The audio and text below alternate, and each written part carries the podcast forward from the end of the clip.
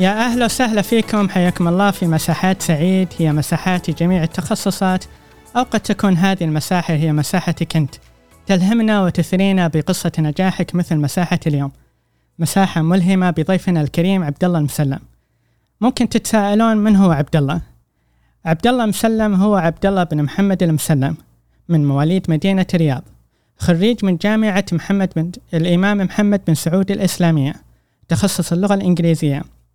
حاصل على ماجستير لغويات من جامعة نورث إيسترن شيكاغو والآن هو طالب وباحث دكتوراه في اللغويات في جامعة ساوثهامبتون في بريطانيا.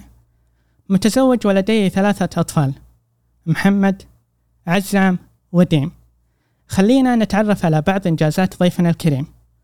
أول إنجاز هو مشاركة في مسابقة سعودي ستيج وحصولها على مركز الرابع. ضيف شرف في مبادرة أعطني كتابك الثقافية في مملكة البحرين. مشارك في ملتقى الابتعاث منتدى التغيير في, لندن. هو من مهتمين بالجري ومؤسس نادي وثبة. ولكن ماذا لو تعرفنا على الضيف من جانب آخر؟ في بداية الماراثون وثبة.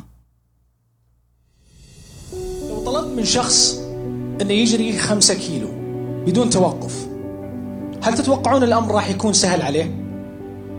لو قلنا كيلوين ونص وقللناها إلى كيلو. وش تتوقعون أول شيء ممكن يجي في باله؟ خلال مسيرتك نحو هدفك ستمر بصعوبات ستمر بتحديات ستمر بمعوقات. خلالها سيمر الشخص بصراع شرس بينه وبين نفسه. سيشك في هدفه. سيتبادر إلى ذهنه سؤال محدث. ماذا لو؟ Hey. Don't ever let somebody tell you you can't do something. Not even me. All right?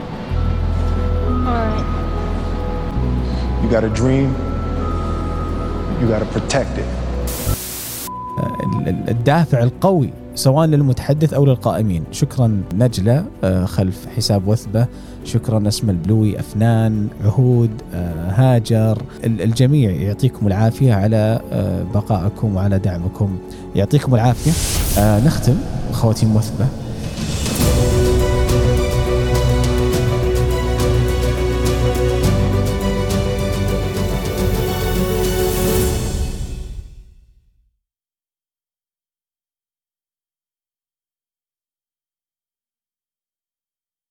يا أهلا وسهلا فيكم حياكم الله في مساحات سعيد وأهلا وسهلا بعبد الله. يا هلا والله أتعبت من بعدك والله. وين؟ والله أتعبت من بعدك. الحين أنا أقول. من بيحاور الثاني. لا والله أتعبت من بعدك يعني يعطيك العافية. وحياك الله وحيا الله الأخوة والأخوات اللي يعني بعضهم ما يعني شفناهم من زمان من زمان. إي والله صادق. آه والله يعطيكم العافية الله يعطيكم العافية. خليني. خليني خليني أبدأ معك في هذا الشيء. خليني أستغل هذه اللحظة وأقول لك كل عام وأنتم بخير. اليوم يصادف اليوم ميلادك. صحيح ولا لا؟ أيوه والله صح- صحيح. أنا أنا استغربت الحين أنت منين جبت آه، نورث ايسترن ومنين جبت السوالف؟ أنت يعني لك أحد في يعني المباحث ولا شيء؟ والله والله هذه هذه مساحة سعيد مالك دخل لو سمحت. يعني إذا عندك وثبه إحنا عندنا مساحة سعيد. والله والله ما شاء الله عليك. نورث ايسترن وفتحت عيوني. منتدى الابتعاث رحلة التغيير وين؟ فتحت عيوني أكثر. يعني ما شاء الله عليك ما شاء الله عليك والله. والله يعطيك العافية ابو بالعكس أنت أبو- إنسان أبو- ملهم يا عبد الله إنسان ملهم ونبغى نبغى زي ما. يقولون هذه المساحة زي ما يقولون توثيق سيرة ذاتية لعبد الله المسلم. وحابين إحنا نت يعني زي ما يقولون ناخذ هذه المساحة بأريحية بعفوية. ما في لا تق... يعني زي ما يقولون رسمية ولا شيء. بالعكس خلينا ناخذها على ثلاث مراحل. عبد الله الإنسان عبد الله المهني وعبد الله الرسائل ننطلق؟ تفضل. يلا بسم الله. طبعا عبد الله أنت في طفولتك نبغى الناس تبغى تعرف عن طفولتك. هل أنت إنسان زي ما يقولون يعني مشاغب ملسون مم. ولا إنسان يعني بفضولي تحب تبحث وعندك تحديات ولا؟ والله آه، جدي الله يغفر له ويرحمه آه، جدي لامي آه، زيد. الله. كان يسميني كان يسميني وذي. تصغير أوه، مؤذي مؤذي. لأني لأني لأني كنت كنت آه، صاحب حركة يعني. آه، أروح من هنا أنط من هنا أضرب الدلة من هنا أروح أجي من هنا. يعني حرك مثل ما يقولون.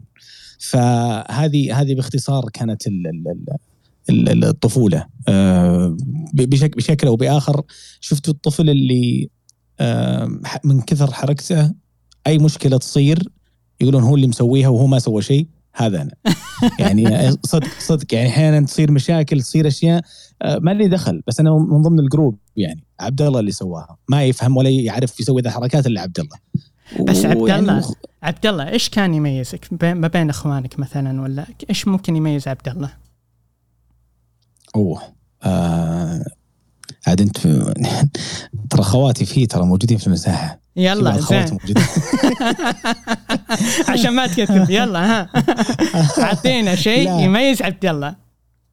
ما ما أقدر أقول يميزني بقدر إنه يعني لأن دائما إحنا لما نقول يميزك معناه إنك قاعد تمدح نفسك. يا أخي شوف نفسك. هذه المساحة مساحتك اليوم ترى. ما حد إيه، لا, لا, عارف. علاقة يمكن إيه، يحكم ما- عليك.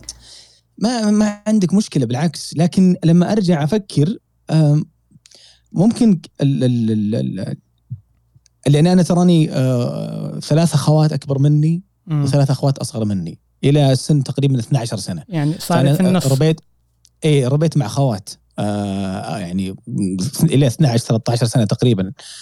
آه وبعدها جاء آه اثنين من إخواني. فممكن الحنية الطابع ال ال ال الواضح علي أنا آه بسبب ممكن تعاملي مع آه خوات آه و آه، لأن يعني بعضهم عاملهم مثل أمي وبعضهم عاملهم آه خواتي الصغار يعني الأميرات. ف ف ف في نفس الوقت هذا التعامل أو هذه البيئة أعطتني نوع من طابع الحنيه فكنت آه، تحس يعني ن- تحس نفسك ضحية. لا. لأنك في النص. لا لا لا بالعكس لا بالعكس. أعطاني أعطاني ترى شوف أنا أول كانوا يقولون لي آه ما عندك إخوان أنت ما عندك إخوان تلعب مع من؟ يعني صغار يعني أول مم. وأذكر الكلام إلى الآن لأنه كان يوجع شوي آه وقتها بس إنه بعدين آه الآن قاعد أشوف فائدة الشيء هذا من بعد آخر وقضية إنك أنت يعني صرت تفهم الجنس الآخر بشكل أكبر وبشكل أعمق.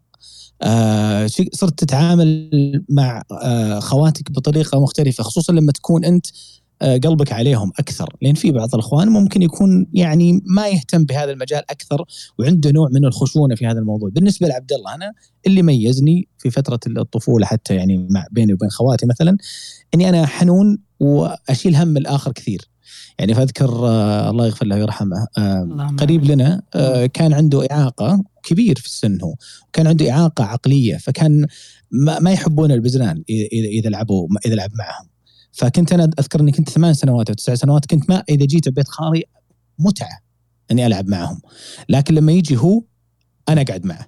ما أروح ما أتركه. حرام حرام. فاق... يعني ممكن هذا اللي كان يميزني عطفي على على الطرف الآخر بشكل قوي جدا. وهو طبعا لا إفراط ولا تفريط يعني. وهذه في كل في كل بدي البشر لكنه بعض الناس ممكن تكون جياشة. وبعض الناس ممكن يكون يعني مرة فارط السبحة. وأنا أحيانا ممكن أفرط السبحة يعني يعني ما من عليك سر؟ لا. يا حبيبي والله عبد الله. طيب عبد الله أنا شوف ليش ربطتها بالطفولة؟ وحبيت أبحث عن موضوع إنه ليش اخذت اللغويات؟ هل هو يعني ورثت هذه التخ... تحب التخصص أحد من الاهل ممكن آه يحب اللغويات وانت اخذ هذا التخصص ولا إيش؟ آه والله شوف آه يعني ربي لك الحمد. اختياري للغة الإنجليزية جاء وأنا في سن آه في في في مر... في سادس ابتدائي. خلينا. نقول سادس ابتدائي. ليش؟ مو يعني زي اللي خلاص أنا أبغى أتخصص لغة إنجليزية لا أنا أبغى أعرف إنجليزي. عندي اثنين من عيال خالي قريبين جدا مني وقتها آه، سلطان وسلمان. آه، دائما ما أكون معهم وهم ما شاء الله تبارك الله في مدارس خاصة آه، فكان فكانوا يتكلمون إنجليزي. فيعني ليش ما اتكلم الانجليزي؟ فهناك بدأت رحلة ال- الحب للغة الإنجليزية فمن يوم بدأت المتوسط وأنا امتياز في اللغة الإنجليزية، الثانوي كذلك ولو إنه في ثاني ثانوي كان في دروب لأن كان شوي مرحلة شوي صعبة. آه بعدها امتياز لما تخرجت من الثانوي آه قدمت على اللغة الإنجليزية وبالمناسبة يعني وهنا تأخذها فرصة إنه آه مو كل تخصص أنت تشوفه من برا وتحبه وتحس إنك أنت قاعد تستمتع الآن وأنت تمارسه بيكون نفس الشيء لما أنت تتخصص أو تدرسه لأنك بتدرس مواد فيه غير مناسبة. فلذلك بداية السنة الأولى من الجامعة في آه، جامعة الإمام أو الترم الأول وهو الدورة المكثفة وقد ذكرتها آه، قبل القصة هذه آه، رسبت سقطت ما ما نجحت. فاضطريت إني إني إني أطلع من الكلية وأروح كلية ثانية. سنة ونص دراسات إسلامية. ما كان في أي رغبة في هذا الموضوع بس قضية إنه يكون جامعة ويلا وأتخرج بكالوريوس. بس بعد سنة ونص حسيت إني لا أنا قاعد أضيع وش بسوي لو أتخرج رجعت مرة ثانية يعني سنتين ما بين التشتت رجعت مرة ثانية اللغة الإنجليزية والحمد لله تخرجت وأنا الآن إن شاء الله يعني إذا خلصنا من الدكتوراه بكون يعني إن شاء الله أستاذ مساعد في نفس القسم اللي سقطت فيه أول مرة سبحان الله يعني ترجع من جديد للقسم صحيح. صحيح. طيب عبد. الله يعني أنا اللي لاحظت أنه ما تستسلم بسهولة هل هي بناء على الحياة الشخصية اللي عشتها ممكن إنه مريت في ظروف معينة خلاك إنك تصمد ولا إنه هي أخذتها من الوالد ولا شوف أنا أخوك آه آه بشكل عام بشكل عام أنا مم. بقولها وممكن في أشخاص آه يعني آه مترددين مثل ما أنا متردد الآن إني أتكلم فيها لكن آه دائما لما يكون ال- ال- الطفل الولد الولد لما يكون طفل ما بين أخوات يكون في طفولته فاقد إلى عزوة فاقد إلى سند. صحيح. آه، ما ترى ما نختلف على الشيء هذا. لما يكون طفلين اخوانا نشوفهم عيالي محمد وعزام أشوفهم يشدون على بعض في قضية انه لو واحد يرتخي لو واحد فاقد للشيء هذا. فبالنسبة لي أنا يعني ما كان عندي آه، أخ كان عندي الوالد والله يطول بعمره وعمر والديكم يا رب والدتي على الطاعة. آه، وكان عندي خواتي فكانت عندي واحدة من خواتي اسمها منيرة. كانت هي آه، ال- ال- ال- الأخ أمانة. فكانت دائما لما تصير مشكلة في الحارة هي اللي تطلع تفزع لي أنا. هي اللي تطلع تفزع لي. صدق صدق صدق. لأن كانوا ليه؟ لأن كانوا كانوا يجتمعون علي يعني لأنه يدرون ما عنده أخو. فلما صدق صدق ترى هذا كان يصير. فلما إني أروح أعلم أبوي يقولون ليه بيروح يعلم أبوه. فكانت هذه الفكرة. فممكن هذا الشيء ممكن أنا أقول كذا ترى ما ما هي ما هي بدراسة بس تخمين. ولد شعور إنه لما أنا أبغى شيء أنا بسويه لا أنا أقدر أسويه. ليش أنا ما أسويه؟ آه رزقني الله بإخوين آه ما ولدتهم أمي بصراحة إخوين عزيزين علي ويعني آه من أيام من من ثالث ابتدائي وإحنا مع بعض. جيران إلى الآن إلى الآن إحنا في علاقة تجمعنا هم كانوا كانوا أخواني أحيانا واحيانا أعدائي. ضرب وضريب ونتصالح من بكرة يعني. فكانت هذه هذه إجابة ممكن تكون بسيطة على قضية ليش الواحد يكون عنده نوع من الإصرار. غير إني أنا زنان أنا أزن على رأس أبوي إلا أبغى الشيء هذا إلا أبغى الشيء هذا إلا أبغى الشيء هذا. إلا إني يعني ممكن ممكن هذه صورة زنان. زنان ولا كان يدلعونك؟ اختار لا المفردة. والله؟ والله لا لا هو, هو أكيد انت أنت تتخيل إنك ثلاث وحيد ثلاث. بنات، ثم ولد. ثم ولد.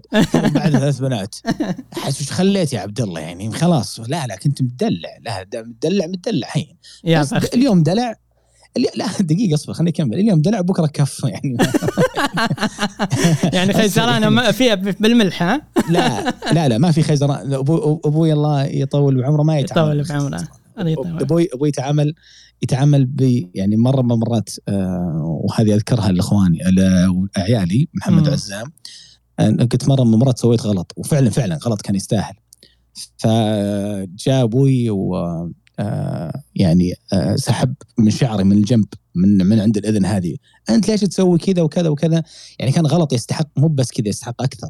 آه فإلى الآن أنا ماسك على أبوي أقول ما طاح شعري إلا من ذيك السحبة يعني. ما طاح شعري إلا ما صلعت إلا السحبه لا إله إلا الله. إن شاء الله. لا والله الحمد لله. مو في الحين وأنا اتكلم إن شاء الله يجي الله يحفظهم لك. إن شاء الله يرزقك بالرحمة يا. رب العالمين. طيب عبد الله. خلينا ناخذ النقل بعد مرحلة الطفولة أو بعد مرحلة الجامعة. متى فكرت إنك تطلع ابتعاث؟ بصراحة. ما ما فكرت إني أنا أطلع ابتعاث ترى إلا في آه بداية البكالوريوس لما صارت الذبذبة هذه ما بين القسمين آه كانت عندي محاولة أخيرة في جامعة الإمام. يا إنك أنت تدرس وتخلص الترم هذا وتنجح ولا إذا ما نجحت راح تدور لك جامعة ثانية تطلع من الإمام تروح الملك سعود تروح أي جامعة ثانية. فكان خيار الابتعاث في ذلك الوقت موجود. آه قس عليها إنه اللغة الإنجليزية تعطيك مفتاح إنك أنت آه، تشوف العالم الآخر. فكنت أطلع على بعض مثلا خلينا نقول مسلسلات آه، بعض ال- ال- ال- المواضيع اللي تتعلق بالابتعاث فكانت تلهمني الشيء هذا قس على إنه يعني وهذه نقطة آه، ممكن إني أنا أرجع وأتحدث فيها في قضية ما قبل التخرج من الثانوي آه، من أنا أنا بدأت أعمل يعني مع دراستي من سن 14 سنة. آه، كان كان عمي عنده محل نظارات فكان أبوي يقول خلنا نشغله خليه يشتغل عندك. فكان يعطيني 500 ريال شهريا. آه، وعلى حسب البيع إذا بعت آه، نظارات وعلمته كم بعت يزيدني فيها. فعمي آه، كان له الفضل الكبير يعني بعد والدي وبعد الله عز وجل آه، انه إنه آه، يكون عندي نوع من خليني أقول لك ال- البداية في في ال- التصقيع والأمور هذه كلها من 14 سنة. ثم بعدها لما اشتغلت في بداية الجامعة في مكتبة آه، مكتبة جرير اشتغلت تقريبا سنتين أو سنة ونص. كانت تجربة لي برضو فتحتني خلتني أمارس اللغة الإنجليزية. فشفت إني والله لا أنا ممكن إني ألقى أكون نفسي في آه، ذاك المجال. آه، بعد الترم الثالث الرابع كان ضغط و- ودراسي فاستقلت رجعت مرة ثانية في الترم الخامس اشتغلت في أحد المستشفيات. آه، واستمريت إلى أن تخرجت بعد سنة. فكان البعثة هدفها أصلا إني أنا أدرس إدارة مستشفيات. لم يكن هناك فكرة إني أنا أكون أستاذ جامعي أو إني أكون آه لي علاقة بقضية آه تدريس. كنت بل يعني والواحد يقول دائما الله يكتب لي في الخير اللي كنت من يوم ما أنا على مشارف التخرج وابوي يقول لي قدم على الإعادة. أقول لو يصير وش ما يصير ما ما توظف معيد ما توظف معيد ما توظف معيد. كيف كتب الله عز وجل لي توظف معيد؟ وأنا في أمريكا لما كلمت واحد من الدكاترة اللي آه، أعزهم ويعزوني آه، قلت له إنه وش رأيك؟ بكمل إدارة مستشفيات. قال لي عبد الله تبي نصيحتي؟ كمل على من نفس مسار تخصصك. طبعا عشان الناس تعرف عشان الناس تعرف هذه مرحلة الماجستير. هذه مرحلة الماجستير نعم نعم، عام 2000 صحيح. وعام 2000 فلما كلمت 2013 شهر مارس قلت له قال لي نصيحتي لا كمل لغويات. طيب شلون وكيف؟ و... فقلت بما إني بكمل لغويات خلني أقدم. فقعدت تقريبا سنة واللي مكتوب لك راح تاخذ آه راح تاخذه. قدمت على الجامعة سنة وصارت لي يعني بعض العقبات في قضية المعاملة ما لقوها ثم لقوها ثم صار في نوع من آه، التشتت في البداية إلى بعد سنة تقريبا تم تعييني في عام 2014 ابريل آه معيد في جامعة الإمام. ففكرة الابتعاث نرجع للنقطة الأساسية فكرة الابتعاث جت من تراكم هذه التجارب وإنك أنت كان كان بس ترى فكرة إني أنا أتكلم إنجليزي أنا بسافر أنا أقدر أسوي الشيء الفلاني. وفي النهاية وفي النهاية آه، دائما آه، الموية بتكذب الغطاس مثل ما يقولون. صحيح. أنت إذا دخلت المحك هذا أنت بتعرف. لأني أنا على الرغم إني أنا متخرج لغة إنجليزية بكالوريوس لغة إنجليزية على الرغم إني أنا مارست اللغة الإنجليزية في المستشفى بشكل قوي جدا بل أخذت يعني آه، مزايا في الترقيات وسرعة بسبب لغتي وتواصلي مع آه، باللغة الإنجليزية إلا أني أول ما دخلت أمريكا وكأني لم أتعلم حرف واحد. يا الله. لذلك لذلك اللغة كتعلم غير اللغة كثقافة. هذه يعني على الهامش خذوها. لما أنت تتعلم اللغة تتعلمها ABCD okay. بس لما تروح للمكان اللغة تكون مدموجة بثقافة.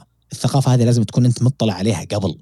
مو فقط إنك أنت تقول والله أنا بشوف مسلسل فريندز وقال يلا بروح بروح بكون مثلهم في في ال- ال- الكافي ولا في الموضوع. لا لا الموضوع أعمق وأبعد وأبعد من كذا أبعد من كذا. طيب عبد الله عبد الله الحين أنت رحت أمريكا والآن أنت في بريطانيا. وخلينا إحنا خلينا نستغل هذه الفرصة. اختلاف الثقافات ما بين أمريكا وبريطانيا إيش ممكن ولد عندك يعني إيش اللي ممكن يأثر عليك الابتعاث برضه آه طيب أنا بجاوب لك على الجزئية هذه اختلاف. الثقافات ثم بقول يعني كيف الابتعاث آه طورك أو أي شيء في الشخص ويطور مم. إيه، ويطو- يطور في الواحد الاختلاف الثقافة وزوجتي موجودة في المساحة آه، اختلاف الثقافة كان مؤثر وبشكل قوي جدا على وضعنا النفسي في أول سنة يعني أنت تتكلم عن آه، الطريق الدائري مثلا خمس مسارات أنت تجي هنا بالكاد تشوف لك ثلاث مسارات. البيوت الشقة شرحة تجي هنا تلقى البيوت مصقصقة آه. مرة مرة مرة صغيرة. من صغرها يعني حتى إني كنت أستهبل يعني. ومع ذلك إنه الآن صار في السعودية نفس النظام. كنت أقول وش الضيق اللي حاطين غسالة الملابس في في المطبخ؟ فصار الحين في السعودية يحطون بعض غسالة الملابس في صحيح المطبخ. صح. بس اي بس كانت الفكرة عندي إني أنا ماني مستوعب هذا وش وش السالفة اللي كذا. إلى درجة يا رجل الأول بيت سكنته حاط مغسلة يدين في غرفة النوم متعجز يروح الحمام. صاحب البيت. والله والله العظيم حاط تدخل كذا تشوف غرفة جدار الله دولاب ال- ال- الملابس قزاز فجأة كذا تشوف في فتحة تناظر إلا مغسلة يدين. ليه؟ يعني كان كان ثقافة مختلفة. مم. الإنجليز ثقافة مختلفة تماما. هذه الثق... هذا الاختلاف أعطانا ردة فعل. غير كذا البيروقراطية هنا بشكل بشكل بشكل مقزز خليني أقول لك إياها. ليش؟ كل شيء يتعاملون بالكتاب. ما في أي روح. ما في أي روح. إلى درجة إنه الشهر الأول أول ما جينا هنا قعدت تقريبا 20 يوم. 20 يوم ما قدرت أفتح حساب في البنك وآخذ مستحقاتي من آه. المحقية بسبب إنه أنت ما أعطيتنا انضمامك التام للجامعة. نبيسكم معي فيزا. معي كل شيء جايكم أنا. لا. إلى درجة يا رجل واحد من البنوك يقول لي مقابلة شخصية عشان تفتح حساب عندي. أحلى- يعني انت انت, مقابله شخصيه عشان أعطيك فلوسي يعني ما ما, ما تجي فهذه غير الغلا غير آه العنصرية الأسعار. دائما نسمع عنه عنصرية هل في عنصرية؟ آه في أمريكا مم. في أمريكا من 2013 كنت في أوستن تكساس واللي يعرف تكساس ويعرف طبيعتهم يعرف السعودية الثانية في. الحرب ما فيها شك ذي لكنه تعاملهم وعصبيتهم إلى درجة انه ممكن يكونون هم أكثر آه تعصبا ل ل لل خلينا نقول لك التكسنز بشكل عام مع شيكاغو اللي يعرف شيكاغو مدينة كبيرة جدا هذه كلها اجتمعت في تقريبا مدة من 2013 إلى 2014 إلى 2016 لم أتعرض ولم تتعرض زوجتي إلى نوع من المضايقات إلا ممكن ثلاث أربع مرات فقط. سبحان الله. منها منها من الأطفال. يعني أحيانا يشوفون منقبه يقولون أوه نينجا. فتجي الأم وش تسوي؟ تمسك الطفل تقول راح أعتذر. وتجي هي تعتذر معه. هنا في بريطانيا في السنة الأولى أو في الستة أشهر الأولى كان في نوع من المضايقات آه، بشكل غريب. وغالبا المضايقات تجي من الأشخاص الغير متعلمين تشوفهم كذا في الشوارع قاعدين أو إنهم تجي من الشيبان اللي هم شايفين آه، أنفسهم بثقافتهم. إلى درجة إنه يوم من الأيام طفح بالكيل في شايب كان يراقبنا كذا وإحنا نمشي في الشارع وقفت. قلت له يعني can I help you ناظرني و- وأعطاني كذا زي نظرة اللي فوق تحت ومشى آه كانت معي زوجتي. فقلت له آه قال لي والتفت علي قال لي well I think you can help يعني أتوقع تقدر تساعدني. وقاعد يناظرني كذا يوم أقبلت عليه عشان أسمعه هو أتوقع إني أنا بهجم عليه. فأعطاني ظهره ومشى. هذه ما قد شفتها. في أمريكا. يعني مرة واح- واحدة يقول آه، كان كنا طالعين من المستشفى فواحد دخل وأنا قلت مريض نفسي. آه ده really? This is America? يقول لي كذا أنا وزوجتي this is America. يعني ليش أنتم قاعدين كذا بهالشكل هذا؟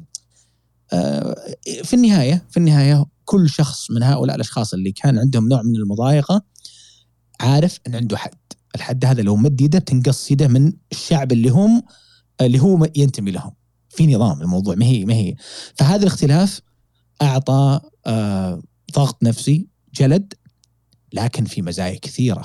اي لأن أنت من خلفيتين يا عبد الله. أنت أمريكا وبريطانيا. أنت أفضل من غيرك اي أعطى أعطى مزايا كثيرة. لا مزايا من, من, من ناحية الاكاديمي أنك أنت في أمريكا الدراسة تختلف عن بريطانيا. البريطاني يخرجونك شخص باحث شخص تعرف كيف تبحث عن المعلومة وتكتبها وتصلحها. وليس قلا بأمريكا لكن أمريكا يركزون على الجانب ال- ال- الت- التدريس أكثر. فالطالب الدكتوراه يدرس أول سنتين.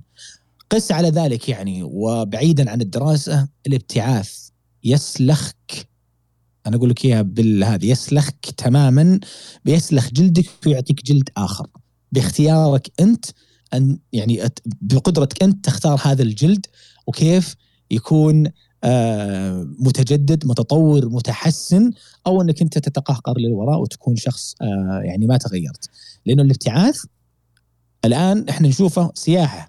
بس لما الواحد تظلم الدنيا ويقعد لحاله في البيت ويفتح السناب يشوف اهله مجتمعين ها؟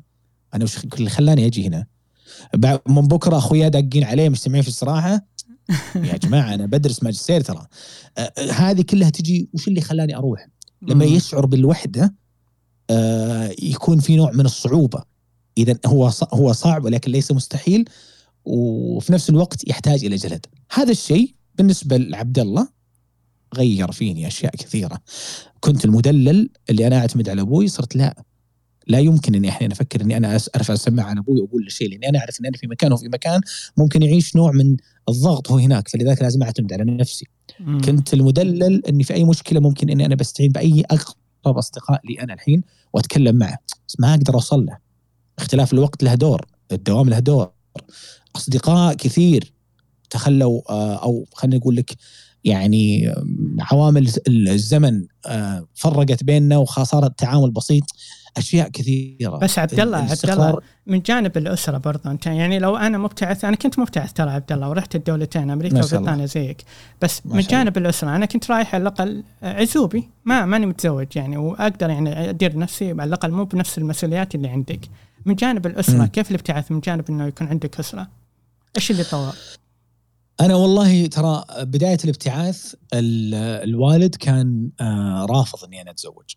اوه قبل قبل ما أطلع ابتعاث يقول أبوي لا. طبعا أبوي من وجهة نظر إنك رح خلص الدراسة لا تشغل لا تشغل نفسك يعني. يعني بيجونك بتجي زوجتك بيجونك عيال ولا بتنشغل. قلت له أنا ما راح أتحرك من الرياض إلا أنا متزوج. هذا آه، من قرار من هنا. عندك. إي إي أنا أنا قلت له أنا ما راح أطلع من الرياض إلا أنا معي زوجتي. آه وطبعا أنا كنت يعني مثل ما يقولون منشن يعني والوالدة طيب يعني ف أكيد قرار من؟ الوالده بعد ساعدك في الموضوع الوالدة الزواج لا إيه. لا لا لا ما ما كان الوالدة كانت زي اللي تقول بالعكس يعني أنا ودي إنك أنت تتزوج بس يعني في النهاية أنت شخص طفران يعني أبوك اللي بيدفع فلذلك يعني خلي. خلي القناعة صحيح. تجي من عند الوالد فكنت أقول إني أنا ما راح أطلع إلا أنا متزوج ومثل ما قلت لك تو كنت حاط عيني يعني على زوجتي من قبل الزواج يعني كنت مخ- مختار ومخالص أنا. ف يعني هي هي أخت لأعز أعز أصدقائي أعز إخواني آه، من أيام الثانوي. ف قلت له قلت له قلت له لن أخرج إلا أنا متزوج غيره لا تدور. يا ابن الحلال تشغلك خلها تشغلني أنا أبغى تشغلني. أحسن من إني أنا قاعد أقابل جدران. وفعلا أول ست شهور رحت أو أول خمس شهور كنت لحالي آه، وكانت فترة الملكة كانت من أصعب الفترات في حياتي. لأني شخص عائلي. صحيح. من الطراز الأول. ما أحب إني أنا أقعد لحالي كثير. وحتى إني لو أروح آه، يومين ثلاث أيام مثلا مؤتمر هنا في بريطانيا أشيل هم. آه، آه، والحمد لله زوجتي نفس الشيء. فهذا الشيء كون والعكس أنا أقولها ويعني ونصيحة إذا شخص مقبل على الزواج وبيروح الابتعاث هي فرصة لأنك أنت تقطع مسافة تقطعون مسافة كلكم في التعرف على بعض بدال ما هي سنتين تخليها في سنة. خلاص. مم. يعني تزعل هي بتجي تهاوشك أنت وبتجي تشتكي لك أنت منك أنت. تزعل أنت تروح تشتكي لها هي منها هي. يعني خلاص ما عاد في أحد ثاني ممكن طرف ثاني يدخل أو طرف ثالث يدخل. فيكون في نوع من هذا التناغم اللي يغسل اليدين غسل قوي جدا إلى أنه يمحص الموضوع. خلاص كل واحد يظهر على حقيقته وشخصيته ال- ال- الواقعية. ما عاد فيها أي نوع من ال- ما المجاملات. تعرف صاحبك إلا من السفر يا عبد الله. الله الله الله يديم الله يديم المحبة. بينكم المودة يا رب إن شاء الله ولا. يفرقكم أي. شر يا رب إن شاء الله ويديمكم. على الطاعة إن شاء. الله طيب عشان ما. نطول في هذه. المحاور آه أنا ودي عندي فاصل بس سريع ونرجع إيش رأيك؟ خذ راحتك. خذ راحتك يلا وثبة ليست كأي وثبة متواجدين في مساحات تويتر وكلوب هاوس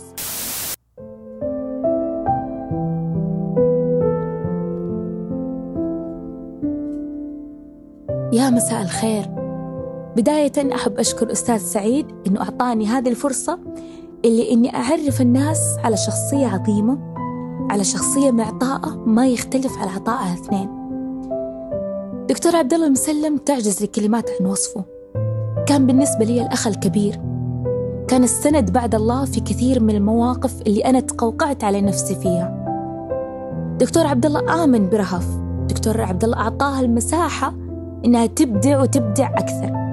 آه، دائما كنت أقول للناس وثبة لو أعطيها عيوني ما يكفي. مهما أسوي الوثبة ما أوفيها حقها. يعني كان عندي ارتباط عجيب مع وثبة لأسباب مرة كثير. في كثير من المواقف اللي كنت أعاني فيها من الانطفاء من فقدان الشغف كنت أقول لدكتور عبد الله أنا ما أقدر أكمل. أنا أعتذر عن وثبة. إيش كان رده؟ كان يقول لي رهف خلي وثبة آخر همك. حلي كل أمورك حلي كل مشاكلك حلي أي شيء عندك. بعدين ارجعي الوثبة لا تضغطين نفسك. هو من وجهة نظره إنه هذا الكلام حيعطيني فرصة أحل مشاكلي وأرجع بهدوء. لكن أنا بالنسبة لي كان يعطيني مسؤولية كبيرة وحمل ثقيل إنه أحل مشاكلي بسرعة وأرجع الوثبة بكل حماس وبكل إيجابية وبكل طاقة. وفي موقف من المواقف اللي من وجهة نظري أشوفها مليانة إنسانية. موقف حصل مع أختي الصغيرة إيلين. الموقف هذا كان تأثيره كبير علي قبل ما يكون كبير عليها هي. الموقف هذا كان انتقاد هدام وصل لها. فلما سمعت الموقف أنا نفسي بكيت فما بالكم بتأثير الموقف على طفلة عمرها ثمانية سنوات. وقتها كان في واحد من الرومات عنوانه عن الانتقاد الهدام والانتقاد البناء. تكلمت في هذا الروم عن الموقف اللي حصل مع أختي وكان صوتي كله رجفة. يعني لو أحد بس ناقشني في الموقف هذا كنت بكيت. بعد الروم جاء دكتور عبد الله أرسل لي بنبرة عتاب. رهف ليش ما قلتي لنا؟ قلت له والله حاولت أحل الموقف بنفسي وكذا وكذا وكذا سويت. قال لي رهف إحنا هنا كلنا أخوانك. تحتاجي مساعدة كلمينا.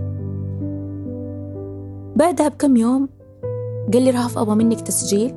كم قيمة التسجيل؟ قلت له لا طبعا يعني وثبة. مستحيل أخذ منها أي ريال لأني أنا مستفيدة. وثبة أفادت الناس فأنا ليش ما أفيدها؟ قال لي طيب المبلغ اللي أبغى أعطيك إياه مو لك لأختك. فشوفي كم هي تبغى التسجيل قيمته. قلت له كلمها أنت وتصافوا مع بعض. طبعا هي كطفلة عمرها ثمانية سنوات ما تعرف القيمة المادية للفلوس. اتصل عليها كيف حالك؟ إلين إيش أخبارك؟ إلين كم تاخذي على التسجيل؟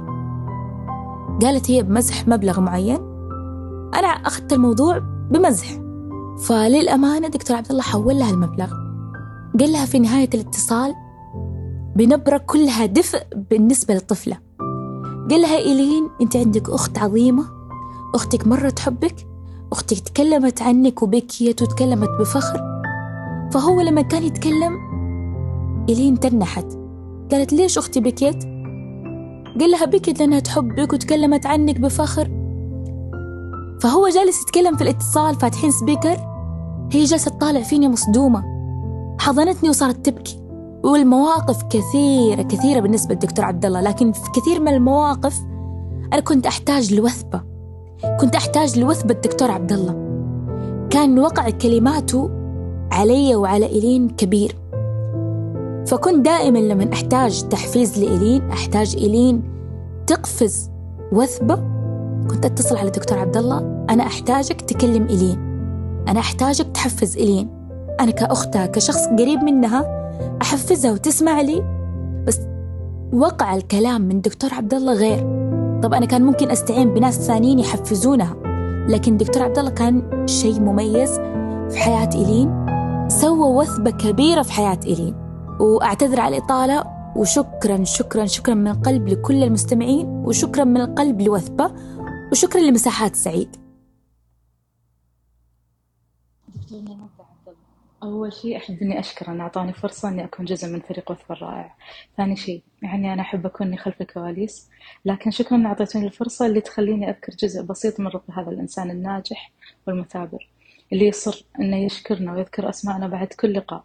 وأنا ما سويت إلا شيء بسيط. طبعا هذا غير إنه مهما كان مودك مهما كان آه، زعلان ولا مبسوط ولا ما راح تطلع من آه، مساحته لو خاطرك طيب. إن بغيتها طبطبة بتلقاها إذا بغيتها معلومات عامة بتلقاها. إذا إذا تبغى معلومات بتخصص معين بتشوف مقابلات مع المتخصصين مجالات كثيرة. حتى إن بغيتها فضفضة وسوالف حلوة تسمعونها الصباح. فإنسان راقي جدا رغم غربته ومسؤوليته عن أسرة وظروف الدراسة. يصر إنه إذا تعب أحد من الفريق إنه يهديه باسم الفريق. إذا توفى قريب لنا لا سمح الله لأحد الأعضاء يصر إنه يتصدق عنا باسم أعضاء صناع وثبة. فالله يعطيه العافية ويوفقه ويرجعون لنا إن شاء الله سالمين وغانمين هو واسرته الكريمة هاجر. طبعا هذه التسجيلات اللي سمعتوها من أعضاء فريق وثبة أو من موظفين شركات إذاعة إذاعة وثبة وهذا من جانب الإنساني عند عبد الله اللي ممكن ما حد يدري عنه أو خلف الكواليس. وكان عندي تسالي عبد الله وأقول إنه يعني هل الفاقد الشيء يعطيه؟ هل مريت في مرحلة كنت محتاج إلى دعم ولا أحد دعمك؟ الله يعطيك العافية. أول شيء آه، رهف وهاجر معتذرين إنهم مشغولين. كيف قدروا يسجلون المقطع؟ ما ملك إحنا طا- الحين جاوب على أنا السؤال. أنا- أنا أطالبهم. هم حاضرين عشانك اليوم تجاوب السؤال. امزح والله العظيم يا رهف ويا هاجر ونجلة أسماء آه، سارة آه، فاطمة حنفي كانت موجودة ما أدري إذا ما زالت ولا لا. وأعد من الأخوات اللي موجودين معنا يعني تعجز والله ال ال ال ال ال الكلمات والله للتعبير على الكلام اللي ذكرته والله يجعلني أن حسن ظنكم وظن الجميع. آه، فاقد الشيء يعطيه؟ أنت سألت كذا صح؟ أيوه. أنا ما عندي ما ما أنا كنت سابقا أؤمن بقضية فاقد الشيء لا يعطيه. أه، لكن أه، بعد ما أذكر تناقشت مع الدكتور محمد الأحمدي أه، وتكلمنا في هذه النقطة كان مستحيل. في ناس يفقدون لشيء يفتقدون لشيء معين وما زالوا يعطونه للآخرين. فيعني من ضمنهم الشخص المقعد اللي ما يقدر يتحرك لكن بكلامه حرك أشخاص. آه، من ضمنهم الشخص الأعمى فاقد البصر اللي ما يقدر يناظر الطريق. أنار الطريق للآخرين بكلمة طيبة، فلذلك أنا أقول آه، فاقد الشيء يعطي وممكن يعطي أكثر من اللي كان آه، ومن اللي معه واللي يمتلك شيء. ممتاز. طيب. الله يسعدك عبد الله.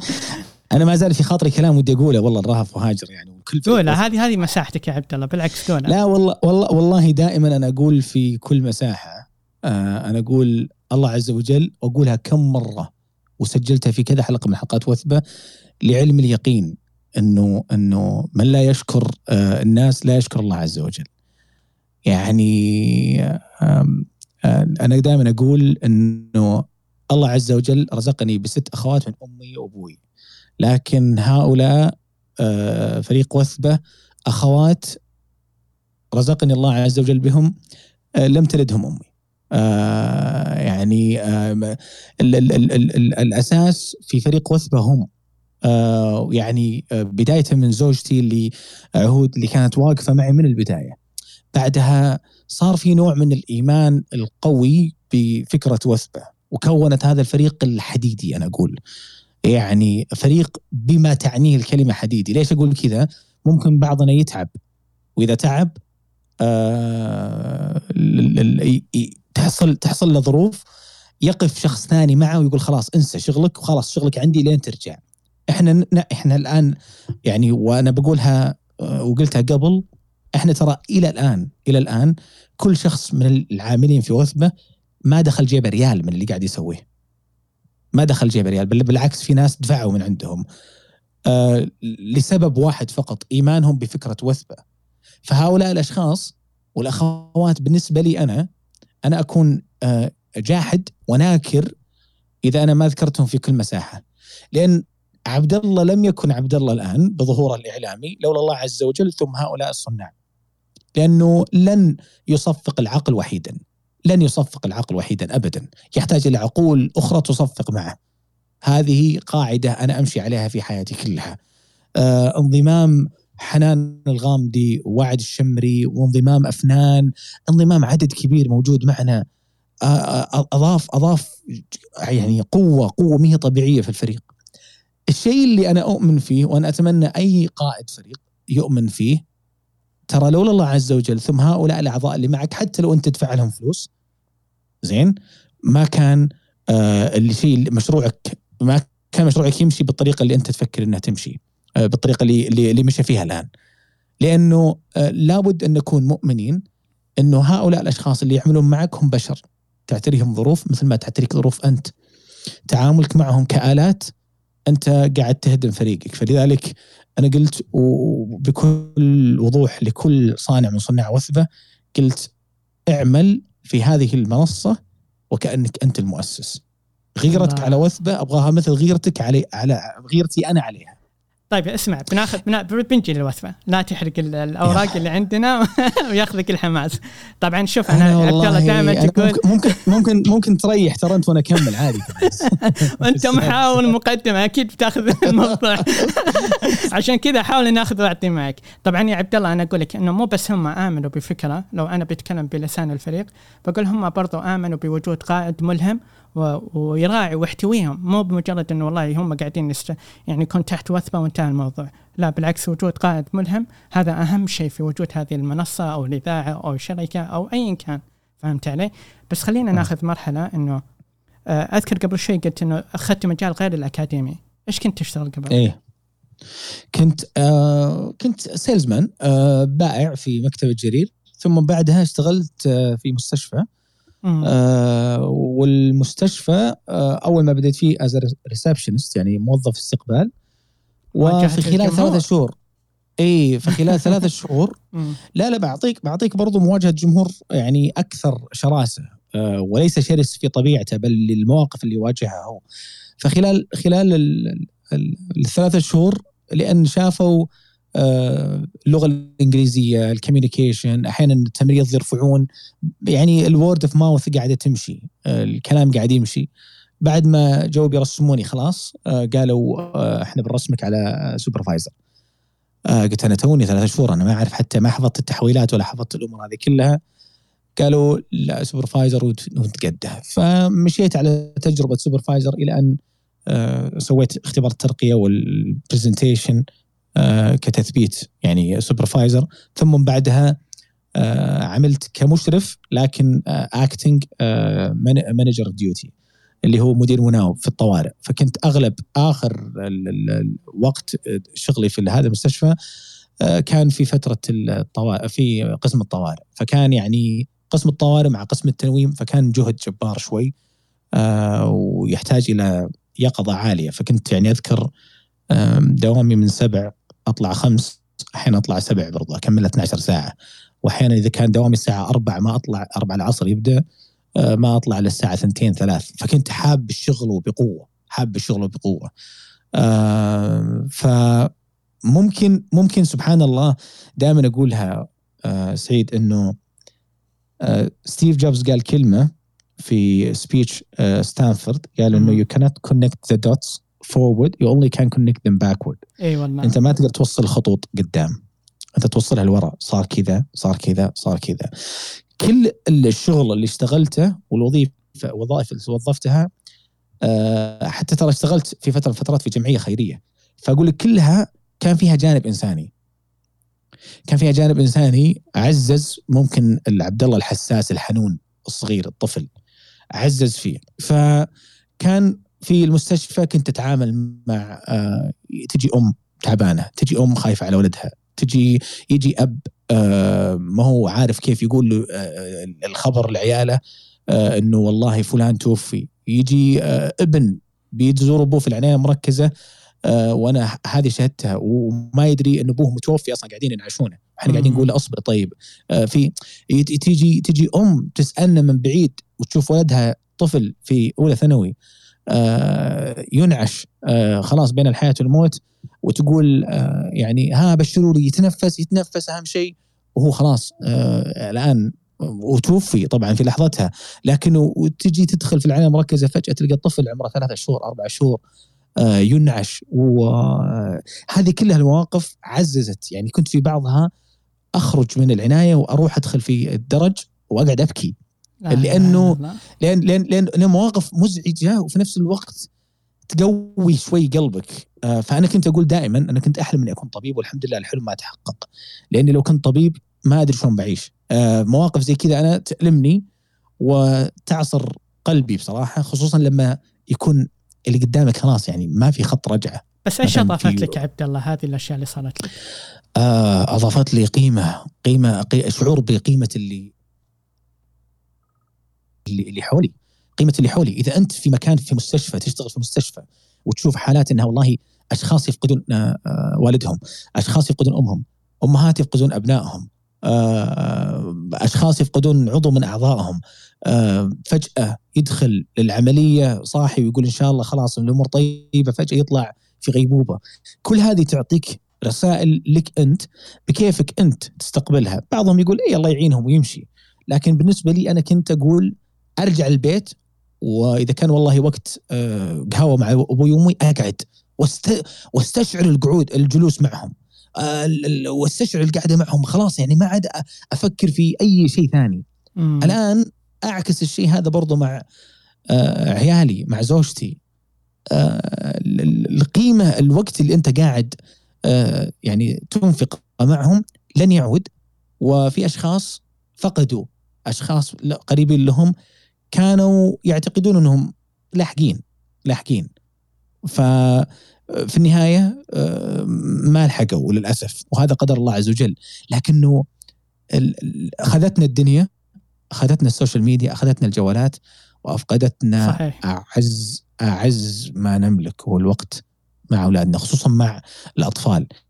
اللي فعلا يبغى ي- فعلا يشيل الهموم اللي في قلبه يقفل الجوال يخليه على جنب والمعلمه سارة والمعلمة فاطمة حنفي آه، من يعني رواد والاستاذه أسماء القصبي كلهم حقين وثب الطفل. هم العمالقة في وثب الطفل. ال- ال- ال- اللي يقعد مع الأطفال يغسل قلبه غسل من كل شيء. والله. كنت أحضر يغسل لكم قلبك والله. والله كنت أحضر وثبة طفل كنت أستانس أحزن بعيد عن العالم. يعني هذه هذه هذه هذه يعني وانت وانت أونلاين فما بالك لو أنت تقعد معهم. فأنا مثلا مع عيال خواتي قبل ما أرزق يعني نرزق بمحمد وعزام وديم الحمد لله. كنت آخذ عيال خواتي مثلا مم. وألعبهم. الآن مع محمد مع محمد وعزام أقول لهم إذا تبغوني صديقكم نادوني عبد الله إذا تبغوني بابا وتبغون شيء مني كأب قولوا بابا. فيجون يذبون المياه أحيانا إلى درجة إنه واحد منهم الله يصلح عزام. يعني خلاص صار صار يمونون. آه عبد الله يلا خلينا نسوي. يا عبد الله لدرجة قال لي لدرجة قال لي عطني الريموت. قلت له لا. قال عطني الريموت ولا برميك مع الدريشه فلذلك يعني في يصير في نوع من بس هل هذه الثقافة اخذتها من من بريطانيا وأنت موجود ولا؟ لا. إيه، لا لا لا خلي لا، الناس تعرف. أيوه. لا لا لا لا. من من أول ما كنت يعني مع والدي، والدي طبعا ما قصر معي ابدا، لكن آه، تربية جيل تختلف عن تربية جيل آخر، وهكذا الأجيال آه، تتتابع في طريقة التربية، فكل جيل تظهر عندهم طرق وأساليب تربوية مختلفة، كما تظهر عندهم مشاكل للمراهقين بطريقة مختلفة عن سابقها قبل. فتختلف. ال- ال- ال- فكنت أنا دائما مع أبوي آه، وأبوي كان يأخذني دائما معه. فكنت أستشعر نعمة إنه والله أنا أجلس مع أبوي أسولف معه. صح ان سواليفي في الجدار وسلك لي أبوي الله يجزاه خير لكنه في النهاية يسمع لي. فهذا شيء انعكس ويعني أنا أشوف إن شاء الله إن شاء الله إن شاء الله يا رب إنه آه الله يحفظهم لك إن شاء أب- الله. أب يعني إن آمين. شاء الله يا رب. الله يرزقك بالرحمه ان شاء الله. طيب عبد الله. الحين خلينا ندخل على وثبة. طيب. ويعني زي ما تكلمنا عن الطفولة والمرحلة الثانوية المتوسطه والجامعية وبعدين رحنا الابتعاث وبعدين أبغى أعرف من وين جات وثبة. طيب. اولا آه وثبة آه كانت المبكرين أصلا. آه ما كانت الوثبه ما كانت باسم وثبه كانت بدايتها كانت آه في 12 فبراير وهو تاريخ انضمامي للكلوب هاوس. كنت سابقا آه أفكر في صناعة محتوى من 2016 مم. آه، في مرة من المرات ضرب كذا سنابي فجأة صار 4000 مشاهدة. فيلا يلا okay بحط تلخيص كتاب كل أسبوع كل يوم أحد. صار في تفاعل. بعدها اعتراني ما اعتراه كل صانع محتوى. قضية إنه التفاعل بدأ يقل. الهدف كان آه، حسي. ما كان روحي ما كان معنوي. فتلاشى هذا الهدف الحسي فاختفى الهدف الروحي لو كان في هدف روحي وقتها أو هدف داخلي. ف استمريت تقريبا آه، سنة. بعدين تدهور الموضوع ولا عاد صرت أهتم. ركزت في دراستي ولا عاد صار لي خلق لا سوشيال ميديا ولا يحزنون. صرت بالعكس مدمن على الجوال بشكل قوي. شريت لي مايك ترى يعني المايك اللي بديت فيه وثبة آه، هو نفسه النوع اللي شريته قبل. كنت ببدا الفويس اوفر لكن الفويس اوفر بكيف؟ مقطع وصور متحركة. كنت. أبغى أسوي ال motion آه، جرافيك بس إنه يعني ما بالرسام. ما مشى ال- بالرسام. لا لا مو بالرسام يا رجال. برسمة إيدي. اسمعي أنا جلا رسمة إيدي. انت لا لا. لا أول كان رسام الحين كانفا خلاص. إيه ما عرفتك. وش وش الفوت وش الفوتوشوب وش الالستريتر وش السوالف نحطهم؟ هذه؟ كلها حقت اسلم. من قال فكانت فكانت هذه الفكرة في البداية ثم بعدها آه ماش ما ما لقيت نفسي. تعرفت على شخصيات. رحت المنتدى الابتعاث رحلة التغيير وكنت متحدث. يعني حسيت مسؤولية مرة ثانية. فكرت إني أرجع بطريقة أو بأخرى. ما سبحان الله. والله العظيم آه برغم المعاناة اللي كنت أعانيها. فترة بدايتي في كلوب هاوس إلا إن جاني واحد يعني ناسي اسمه الأول وأتوقع إنه إبراهيم التميمي. والله ناسي. أعرفه في الإنستغرام. أرسل لي قال لي عبد الله دخلت كلوب هاوس؟ قلت وش كلوب هاوس؟ قال برنامج صوتي وكذا وكذا وكذا. أنا طبعا هو ما يعرف إني أنا صانع محتوى ولا ما ما يفكر ما فكر يعني صدفة دي. سبحان الله. دخلت أشوف ها وش السوالف. لا شكلي ما ما ما ما, ما يعني ما, ما عجبتني الفكرة. شوي قلت ليش ما أنا كنت قبل في السناب مسوي فقرة اسمها المبكرين. وش هي؟ قم الصبح وارسل لي وش قاعد تسوي. اليوم الصباح وش أول نشاط تسويه؟ اللي يقرأ كتاب واللي يسولوا لي من برلين من مدري اين وين لا لا لا. صار في تفاعل. قلت طيب الآن أجمع الفقرتين كلها. وش تسوون الصبح؟ وإني أتكلم عن كتاب آه، في في في المبكرين. فكنت أفتحها الصباح بعد الفجر بتوقيت في بريطانيا 8 7 ونص بتوقيت السعودية. كنت آخذ من التلخيص اللي كنت أسويه في ال 2016 إلى الحين عندي في دفتر. كنت أوه. آخذ من التلخيص وأقول يلا خلونا نلخص كتاب ونتكلم عن الكتاب إلى أن جاء من ضمن الملخصات كتاب The Reasons to Stay Alive لمات هيج اللي كان يتكلم عن آه، رحلة الاكتئاب اللي اللي كانت فيه. آه، فتفاجأت بالإقبال المو طبيعي في ذلك اللقاء. يعني بداية كليب هاوس ويوصل توصل الغرفة إلى 800 انت قاعد تكسر السوق هناك. عدد ف- والله والله عدد يا مأسم. عدد إيه. عدد أي بداية بداية خصوصا بداية كلوب هاوس يعني الآن الآن بالكاد الموضوع يوصل إلى إلى 200 شخص في الغرفة. بس أول لا يعني 800 على أي موضوع أنت الناس تبغى تشوف. فسبحان الله الله فتح. وجو دكاترة منهم دكتور مصطفى أبو سعد منهم دكتور جو دكاترة. يعني استشاريين في علم النفس. فساعدوا أشخاص كثير موجودين معنا. آه، بطريقة مجانية. تطور الموضوع قلت من بكرة بنفتح الموضوع مرة ثانية. خذها حل أبو عابد. وافتح الموضوع مرة ثانية من بكرة نفس الموضوع ويضرب مرة ثانية. عرفت إني أنا خصوصا لما تخصصي الجامعي واللي بنجي الآن في الدكتوراه بعد شوي إنه تخصصي اللي فيه له علاقة بعلم النفس. العلم النفس اللغوي خلينا نسميه. فقلت يا أخي أنا أحب الشيء هذا وأقرأ فيه كثير. يلا خلني أخذها حج وحاجة. مشيت آه بدت آه فكرة الأندية. فأول ما بدت فكرة الأندية كنت بسميه المبكرون قالت لي زوجتي عبد الله لا ما أنصحك. قلت ليش؟ قالت إذا أنت تفكر على بودكاست قادم آه وتسجل اللقاءات اللي تسويها ترى يعني صار مشروع بودكاست. ما صار مشروع بالشكل هذا بس يعني إحنا كنا كذا قاعدين يعني كذا فترة حماس. ما. كانت فيه فكرة بودكاست واضحة ترى. ما كنت أعرف أصلا كيف أصلح حلقه حلقة البودكاست وقتها. فكانت الفكرة إنه يلا المبكرون لا بتلزم نفسك باسم ووقت أنت ما تحتاج. يعني خلي الموضوع أوسع. فقلت أنا تعجبني حاجة الوعي كذا يعني. فكان في كتاب لخلود بادحمان اسمه قفزة وعي. فقلت أنا ما أبغى أستنسخ الفكرة. فجت في بالي مبادرة للأستاذ عبيد ال- الظاهري اسمها وثبة قارئ. فقلت أنا إذا أنا أبغى أنه هذا المشروع وقتها كذا قلت إذا أنا أبغى أبدأ صح لازم أخذ آه، حقوق الاسم من الشخص هذا أو أستأذنه. إلى الآن راسلت على تويتر يعني بيني وبينه تواصل يعني راسلت قلت له أنا أستأذنك آه، اسم وثبة آه، عندي المشروع الفلاني ودي أنا أخذ الاسم هذا. هل أنت مسجل الاسم لك خاص؟ قال لا. بالعكس يفتاك الاسم وصاحب المبادرة وإحنا جاهزين باللي أنت تبيه. قلت أنا ما راح أسميه وثبة قارئ إلا فقرة واحدة بس. مم. يعني الكتب البقية كلها وثبة ويتبعها الهدف من ال- ال- العنوان. قال ابد طبعا اللي عزز عندي فكرة الاسم آه واللي أكد إنه هو الاسم اللي بيضرب زوجتي. يعني هي اللي اختارت الاسم. آه بالرغم إنها تقول لا أنت اللي اخترت تقول لا لا ما أنا ما اخترت. أنا قاعد أطرح خيارات مختلفة.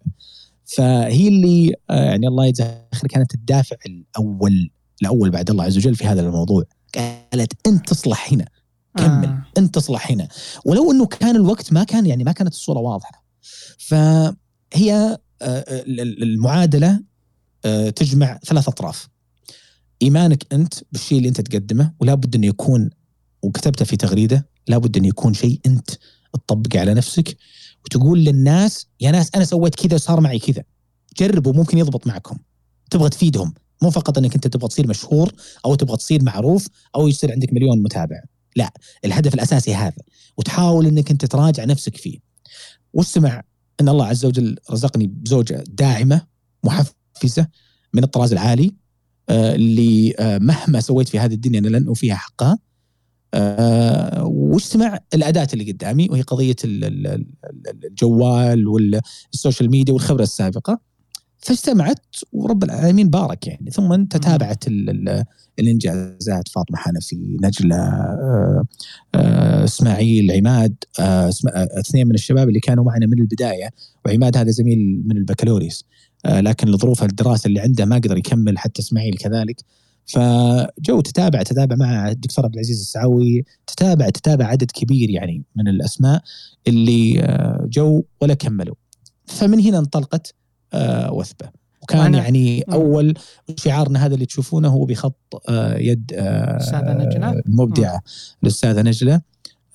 هي اللي دشنت أول هوية. ولو أن الهوية القديمة حقتي أنا اللي أنا سويتها بكانفا اللي ما عجبتهم قالوا نغيرها قلنا يلا غيروها. فغيرها. والله بالعكس لا خليني أقول لك خليني خليني بقول لك ليش هذه فيها سالفة تحت الهواء ترى فيها سالفة يلا. قول- قول. لا كنا كنا نسولف كنا نسولف عن الشعارات اللي قبل. وكنا نتكلم عن لأن إحنا عندنا إن شاء الله قريبا فيه آه، إن شاء الله في مفاجأة ال- الوثبة فكانت ال- الفكرة آه إنه يعني إحنا ما عندنا إلا شعارين شعار هذا والشعار وثبة القادم الجديد التدشين الجديد قلت أنا والشعار اللي أنا سويته؟ عشان Canva يعني؟ عشان Canva؟ عشان Canva يعني؟ ولا يعني شلون يعني؟ لازم أسويه ب Illustrator عشان يكون واضح بالنسبة واو لكم. ها؟ عشان يكون واو. اي اي يعني إيش فيكم أنتم المصممين لهالدرجة عنصرية؟ فكان كانت يعني هذا وما زلنا فخورين بهذا ال ال ال ال النحت اليدوي المبدع مم. من نجلة في هذا التصميم لأنه فعلا التصميم ولو إنه البعض يشوف إنه طابع لغة عربية لكن اللغة العربية ترى لها سحرها ولها آه، جمالها. جمالها في في في في إذا إذا إذا المبدع الرسام آه، الخطاط مثل نجلة آه، أتقن آه، تفاصيل آه، هذه آه، هذا الشعار وبس طيب أنا. أنا أنا بقول لك شيء آه، أنت سويت مساحة اليوم ال- اللي مساحه عبارة عن إنه حتى أضخم الأبواب مفاتيحها صغيرة وكتبت تغريدة اقتباس إنه بداية الماراثون وثبة كانت أحد مفاتيح الصغيرة بدأ فيها القائد عبد الله مسلم في وثبة. وهذا اللي يخليني أنا برضو بحث عن معنى الوثبة هي القفزة أو البلوغ الشيء أو الوصول أو الاستقلال مم. فخليني أشغل شيء وبسألك سؤال. تمام؟ سم سم. كانت تقدمه رغم الألم الذي كان يمزق صدرها. فاجأها في منتصف الطريق. إخواني وأخواتي رحبوا معي بليندا بنت أحمد الشهري. خلال المرحلة ما بين العشر سنوات وخلال ما بين الزيارتين. وعشان جاوب على السؤال باسمي واسمكم رحبوا معي بالمبدعة المكافحة الملهمة هناء بنت عبد العزيز القصبي. كيف تعاملت مع هذا الاختلاف؟ وما الغريب والملهم في قصتها. باسمي واسمكم جميعا. رحبوا معي بضيفتنا الملهمة سارة المرهون. أشياء كثيرة راح نستفيد منها من ضيفنا فلذلك رحبوا معي آه، جميعا بالدكتور والوالد والأب الروحي لوثبة دكتورنا محمد الأحمدي. إلا أن ضيفتنا وبكل شجاعة ومن منطلق توعية المجتمع وتشجيع كل من يعاني من هذا الاضطراب بأن يتحدث قررت أن تشاركنا هذه التجربة. ضيفتنا هذا الأسبوع سمو الأميرة الغادة بنت فهد آل سعود. هذه اللقاءات سوتها وثبة بلقاءات رسمية بالضيوف الرسميين حوالي إلى ثمان لقاءات تمام؟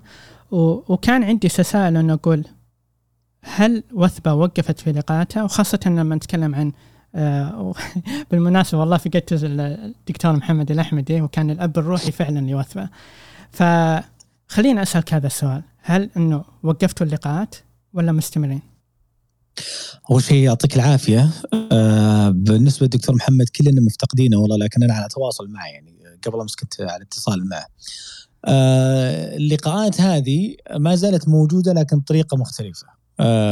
في وثبة آه فكرنا آه كذا مرة إننا نحاول آه إننا نوحد آه، نوحد ال- الفكرة للمتلقي آه واللي بيزور بودكاست وثبة. فصار التشتت ما بين بودكاست وثبة وبودكاست رواء و و يعني وبالمناسبة شعار بودكاست رواء من إبداع ومبادرة من الأستاذ المبدع سعيد الصالح الله يعطيه العافية. شكرا شكرا ف... شكرا. حبيبي. بس ترى ما كان ما كان بكانفا هذه المشكلة. ف... ف... فأقول لك فأقول لك إنه هذه ال- ال- ال- الت- التشتت اللي بيكون اللي كان عندنا آه، بودكاست رواء بودكاست وثبة. طبعا هي قناعة هي قناة وثبة وإذاعة وثبة ويندرج تحتها هذه البرامج. مثل أي قناة موجودة على البودكاست. مم. آه، وبودكاست مشاهد لليندا المبدعة. آه، وبودكاست آه، انات الروح للاستاذ إيمان اللافي. بودكاست دي ام آه، بود... يعني كانت م- متعددة آه، إلى درجة إنه ممكن تشتت المتلقي. فقلنا إحنا بما أن الآن أغلب ال- ال- البرامج هذه كلها متوقفة حتى الآن يبقى اللي قاعدين نشتغل عليه. بودكاست وثبة فكرنا بطريقة أو بأخرى إنه يكون هو بودكاست رواء أصلا وتدمج فيه اللقاءات بشكل آه يعني كامل سواء كان لقاء خاص أو لقاء في تفاعلي. وممكن تشوف أنت في بودكاست رواء لقاء مع الأستاذ أسامة الجامع مع ثامر الصالح مع الدكتورة وفاء الرشيد خل- خلاص يعني وحدنا الموجة إنه يكون هناك. آه فهذه هذه مبدئيا عشان ما نبغى نشتت ال- ال- الجمهور. المتلقي. صرنا. الجمهور صرنا صرنا اذا إذا وثبت المبكرين نقول اللقاء راح يكون على بودكاست رواء طب يدخل يقول ما لقيته بودكاست وثبه. فصار في نوع من التشتت في هذه ال- الفكرتين فقط. صحيح. طيب عبد الله أنا من خلال هذه اللقاءات طبعا لو بتكلم عن اللقاءات كثيرة ما شاء الله امرأة بين الحياة والموت. هذه أستاذة ليندا مقابل حياة جديدة فقدت ثلث رئتها آه برضو جسمها من زجاج روحها من حديد وحصان من الموت. قصة يرويها صاحبها اللي هو دكتور الأحمدي. والأميرة أي. أيوة عضة كلب الأسود. وما شاء الله لقاءات موجودة في منصة وثبة. آه تدخلون على بودكاست تحصلون على طول مباشرة. بس إلا حلقتين يا عبد الله. كانت لما أشغلها تطلع لي إنه لازم تدفع أو إنه لازم سبسكرايب ليش؟ أنت مخليها بمقابل مدفوع؟ والله؟ مم. أنا ما أدري عنها بصراحة أرسلت لي اللي آه، حقت الجنائية والثانية اللي آخر لقاء سويته مستحيل مم. آه، دقيقة الحين أنا قدام مستحيل لا ما ما في أي اشتراك أصلا ما في طيب، اي اشتراك في ال- إذا كان ما عندك خلفية بس حبيت أعطيك خبر لأنه لما لا، دخلتها جميل. إيه إيه لما دخلتها يقول لي لازم يعني يصير في عملية دفع فهمت علي؟ طيب خلينا الحين نتكلم عن آه، أهداف وثبة وين رايحة؟ أهداف وثبة. ممكن تعطينا إحصائيات مثلا. أنا كتبت في تغريدة وصلت لعدد مثلا ما شاء الله 45 ألف. بس الحين أكيد تغيرت. كم وصلت الإحصائيات؟ أو إيش إيش إيش تعطينا انطباع عن وثبة مثلا؟ الرؤية والأهداف. أه، حقيقة أنا أنا يعني ممكن إني أنا أبخس وثبة حقها لو أقول ب- آه، في في إجابة بسيطة. آه، إيش اللي قاعدين إحنا نفكر نسويه؟ لكن ال ال الأساس الأساس بالنسبة لعبد الله الأساس بالنسبة لعبد الله آه، ولصناع وثبة أن تكون وثبة هي محط ال- آه، خليني أقول لك ال- ال- التغير. بالنسبة لأي واحد يسمعنا له.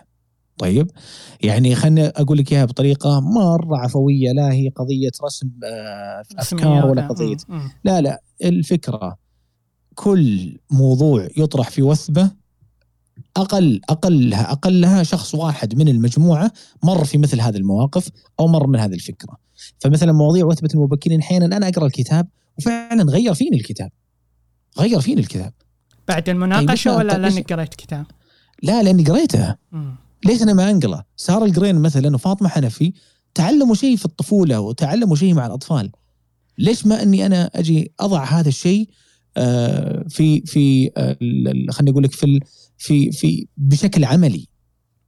تعالوا المساحة مجهزة لكم. هاجر آه، مثلا في قضية التنظيم والترتيب والمخرجات النهائية لل- لأي محتوى ممكن نشوفه. آه، هي هي هي أصلا هاجر ما شاء الله تبارك الله متميزة في تنظيم آه، يعني آه، مناسبات ويعني في العمل وفي آه، بشكل قوي جدا ولها باع في تغطية بعض ال- المعارض والمؤتمرات والأمور هذه كلها. فالمنتج الأخير هي تشوفه يلا وريني كيف ال thread هذا؟ نقسمه بالطريقة الفلانية. آه نجلة لها مثلا في التصميم والإبداع وإنه دائما المصمم اللي يصمم على Illustrator و Photoshop مو Canva لا بس Illustrator وال Photoshop والأشياء دي كلها يكون عنده روح يكون عنده نوع من اللي كذا. أفنان الصقعبي كاتبة حروفها تعالي جيبيها حطيها هنا وعلمينا يلا. آه، حاولي إنك أنت تفرغين الشيء هذا في هذا المجال. وعد حنان آه، هاجر زكي كانت معنا. آه، هي هي الفكرة كل شخص يستخدم هدفه هو اللي يبغاه ويكون هو هدف وثبة. عشان كذا يعني هذه ترى بإجابة بشكل مختصر بشكل مختصر. ولا الأصل الأصل أننا نقدم شيء يعكس الاسم. وثبة. بالعكس وثبة هي حاضنة للأفكار والأهداف التنموية في تنمية البشر وال... بالعكس أنا أيد هذه وثبة. وبرضو عندي سؤال عبد الله. أه هل في مرة من مرات خاص- خاصة وثبة المبكرين وكنت تقرأ. مثلا كتاب أو تتكلم في موضوع في أحد الكتب ومن خلال مشاركة المشاركين معك في هذه الغرفة أو هاي خلال هذه المساحات. غيروا فكرك مم. عن كتاب معين؟ إيه إيه كثير كثير والله؟ كثير. كثير. شوف أنا أنا ماخذ قناعة والقناعة هذه أمشي فيها حتى مع ولدي محمد وعزام. إذا أنا بناقشه يعني بناقشه عشان أنا أف- أستفيد وهو يستفيد ولا اللي ماني بناقشه. مم. يعني يعني إذا أنا بناقش فكرة بناقشها من باب التعلم. آه، هذه آه، أخذتها في كتاب Learning How to Learn وفي كتاب كذلك اسمه Give and Take لآدم جرانت آه، يقول إنه فرق بين المعلم يعلم وفرق بين إنه معلم ويتعلم في نفس الوقت. صحيح. فلما يكون المعلم يتعلم بتكون عملية التعلم مختلفة. تماما. خلاص يصير المعلم نازل حتى لو كان عالم بس نازل بمستواه التعليمي إلى مستوى الطالب. فلذا قاعد يستفيد منه ويفيده. انت قاعد تضيف ثقة للطالب اللي قدامك. فهذا المبدأ اللي عندي أنا. أنا لما أناقش كتاب أنا لا أتبنى وجهة نظره أو لما أناقش الفكرة لا أتبناه إلا إذا فعلا أنا فعلا صرحت بذلك إني أنا أتبنى الشيء هذا. بس الأصل أطرح الفكرة وأشوف يعني زي موضوع اليوم العنوان إنه جميل، حتى جميل. أضخم أبواب. وهذا ترى من إبداع اسم البلوي يعني. اسم البلوي إلى الحين ترى ما تكلمت عنها. يعني آه، ولا ولا يعني آه، قلت ولا جزء من الأشياء اللي قاعدة تسويه الوثبة. بس أنا أقول إنه آه، هذا العنوان أعطى بعد تماما لبعض الأشخاص وبعض الأشخاص يعني صار في نوع من التباعد في الأفكار واجتمعت كلها في موضوع واحد. واللي بيسمع يعني اليوم نزلنا ثلاث حلقات. طيب أنا معلش، عندي سؤال. عشان ما نطول. اعذرني على اعذرني على الإعلان هذا كذا بسرعة كذا. طيب سؤال أخير عشان ننتقل للمحور الأخير ما نطول على الضيوف وخاصة ما ودنا نطول عليك إنه وإن شاء الله إنك مستمتع معنا. عندي أنا سؤال. مع عادي لو تبينا نكمل الفجر عادي ترى هذا المقدمين المحاورين ينبسطون. عرفت اللي متربع وأشرب شاي وأقعد أسولف. لا أنا أنا أنا قاعد ومعي قهوة بس ما تربعت والله. يا حبيبي عبد الله. طيب أنا عندي سؤال. إيش يعني من اللقاءات اللي سويتها للضيوف إيش أكثر لقاء كان أقرب لك وكان مؤثر عليك؟ أوه. لا تجامل عبد الله. لا ما راح أجامل والله. لا ما راح أجامل والله. آه، تمنيتها معنا والله موجودة الآن. آه خلني أشوف إذا هي موجودة ولا لا. آه لا والله مين موجودة. تمنيتها معنا والله. آه ليندا الشهري والله. آه آه. الأستاذة ليندا. الأستاذة ليندا يعني امرأة بين الحياة والموت. آه كان آه سمعت القصة آه مرتين قبل اللقاء منها وأثناء اللقاء. آه وكانت بما تعنيه الكلمة. فعلا بين الحياة والموت. فأعطت بعد ثاني آه، لي أنا غير إنها كانت هي أول حلقة بودكاست تنشر آه، لوثبة. فكان لها حضور عالي جدا آه، سواء كان على كلوب هاوس آه، أو حتى على البودكاست. فكانت فقط على كلوب هاوس ما بدينا في مساحة تويتر. فكانت الحلقة تتكلم عن ليندا وعن ال- ال- ال- ال- ال- المرض اللي آه، أسأل الله عز وجل أن يشفيها. آه، ويتمم عليها. بالشفاء. كان كان الفكرة الأساسية آه، تتكلم عن معاناتها وكيف إنها بعد فقد والدها وكيف إن والدها كان له تأثير وإنها وصلت بها الحال لانها خلاص يعني الأطباء يعني يأسوا من الحالة وإنك أنت تعيشين بهذه الطريقة. برغم ذلك إلا أنها في عز المعمعة واصلت وكافحت وحاولت إنها تكون الإنسان المعطاءة، الإنسان اللي تقدم آه، للآخرين كل ما أعطيت من قوة. بالرغم المعاناة العظيمة، يا جماعة ترى المعاناة أنا ما راح أحرق القصة اللي يبغى يرجع يسمع لها لأن تستحق إنها تسمع مو فقط إعلان لا هي تستحق بس عبد الله. هل هل لا هل انك تأثرت من القصة في جزء منها مشابه لقصة في حياتك ولا لا؟ ولا يعني يجي يعني كل واحد عندنا معاناة كل واحد. عندنا عندنا له معاناة أنا بالنسبة لعبد الله معاناتي أنا اللي مريت فيها ولا شيء قدام اللي مرت فيه لين- ليندا أنا سمعت لليندا سمعت لحناء القصبي سمعت لساره. المرهون. إيه، سمو الأميرة غادة كلنا كلنا كلنا يعني الكلب خاصة آه، إي. كان مم، مم. اي ع- هو هو ترى رمزية الاكتئاب آه، عضة الكلب الأسود توفقت يسمونه الكلب. الأسود اي نعم. والله ما ما أدري شلون شلون جاء العنوان ناسي والله بصراحة بس أنا متأكد إن سمو الأميرة لها لها دور في العنوان بس إنه في النهاية يعني ال ال ال- العمل آه مع شخصيات ملهمة يعطيك نوع من التفاوت. يعني أنا أذكر مداخلة والد آه، هناء القصبي آه كان آه، لها وما آه ال- ال- ال- ليندا آه لقائها كان آه، آه، يعني لقاء كذا يرفعك فوق فوق فوق فوق وله قصور باللقاءات الثانية. لكن كان في صوتها فيه ألم وفيه آه، آه، خليني أقول لك طبطبة. آه، آه، جرح من هنا وفي تضميد من هنا. هذا اللي كان كان في حديثها وقتها. آه، حتى مداخلة زوجها كانت مداخلة رائعة جدا جدا جدا. جدا. فيعني عشان كذا ال- ال- ال- مو لأنه اللقاء الأول لا لأنه اللقاء اللي حفر في عقلي آه، معاني كثيرة وأشياء كثيرة. طيب آه الحين خلينا باخذ بس مداخلات بسيطة. آه تم. من فريق وثبة معكم سارة. أحد صناع وثبة. وبالأخص وثبة طفل آه، منذ انضمامي إلى وثبة وعملي فيها آه، لمست في شخصية قائدها الدكتور عبد الله مسلم ثقته في أعضاء فريقه بشكل كبير جدا.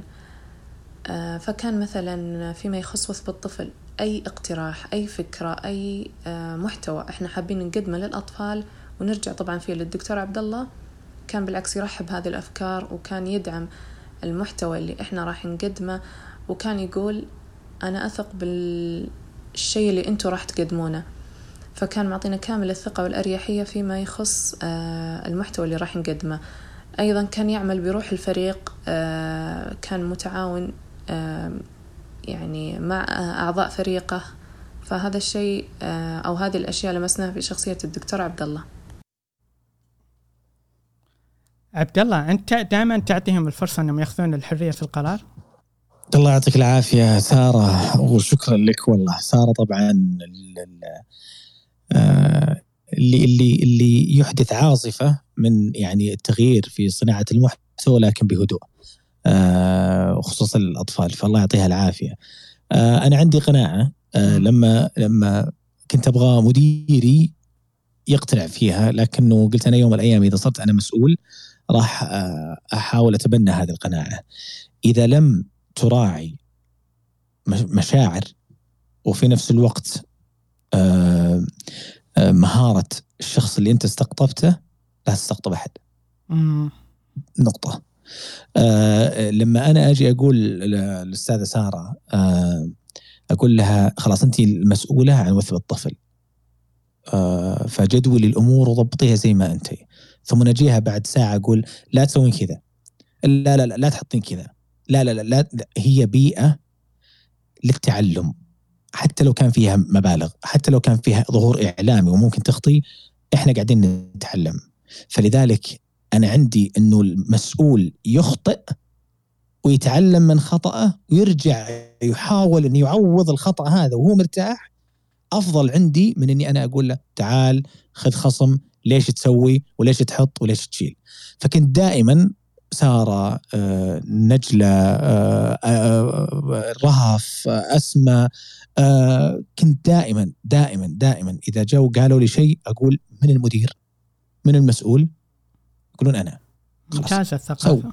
صحيح. so. so. so. سو اللي تبغينه. إذا صار في خطأ أنا بقول لك ترى هذا خطأ عدلي وكملي.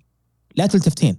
يعني لا تتوقعين إنه أوه خطأ وش أسوي؟ يا الله مصيبة. لا لا لا لا لا, لا أنت.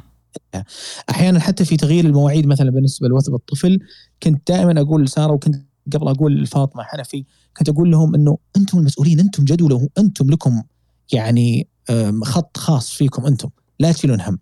أحيانا حتى في المساحة البعض ممكن يعتب علي آه، في قضية استقبال المشاركات والمشاركات. المسؤول الأول والأخير في المساحة اسمى بلوي آه، فلذلك لما تبدأ المساحة أنا أدخل على الواتس جاهزة نبدأ.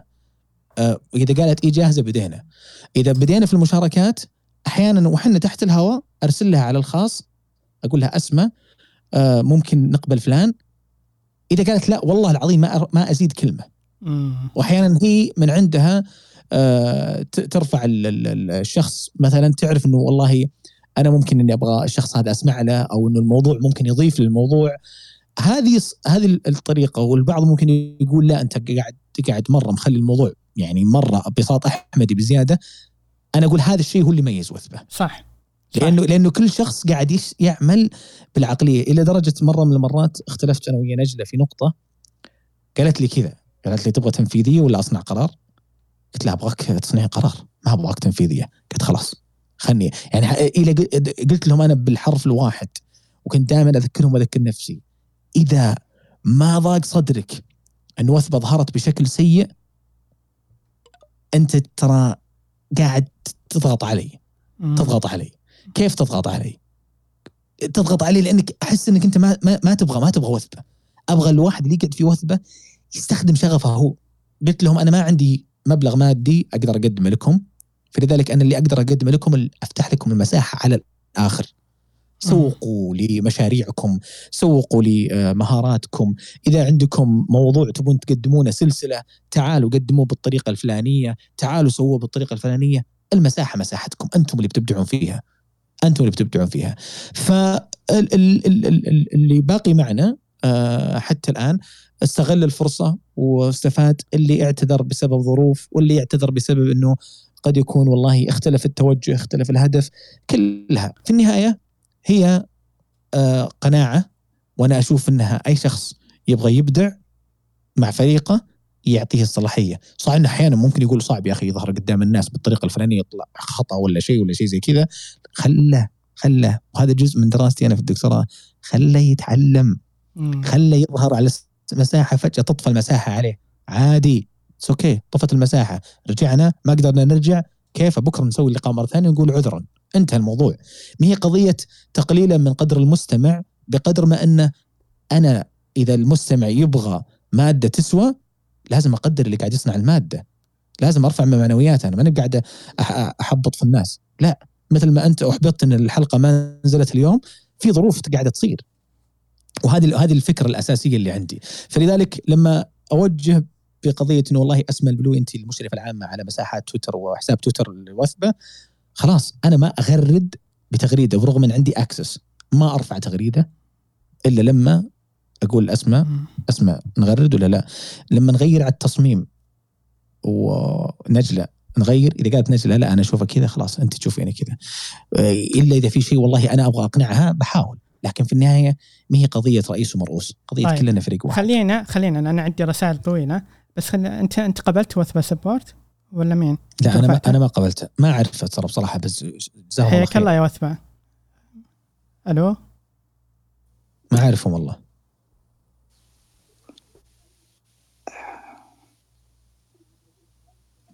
أنا عرفته كصانع محتوى. يا الله يا الله لا لا. لا لا لا لا. مستحيل. ليش يا دكتور؟ أنا قايل لك تعال. ليش ما قلت لي بش دكتور محمد الأحمدي الأب الروحي للكل. يا أهلا وسهلا. يا الله يا الله. من أنا أول تخيل. موجود. أسكر المايك أسكر. أنا مراقبة. أنا أشوف وثبة supporter قلت ما شاء الله وش ده؟ حتى وثبة صار لها supporters يعني وصار لهم حساب. حياك يا الله يا. دكتور. حياكم الله. السلام عليكم ورحمة الله وبركاته. وعليكم السلام. وعليكم السلام ورحمة الله يعني- وبركاته. هل تسمحوا لي قبل أن أبدأ؟ مساحتك يا أن- دكتور. أي أن ندعو لجدة الابن رهف آه، وهي معنا الآن بالشفاء العاجل. لاحظت. التغريدة لها قبل دقائق يعني.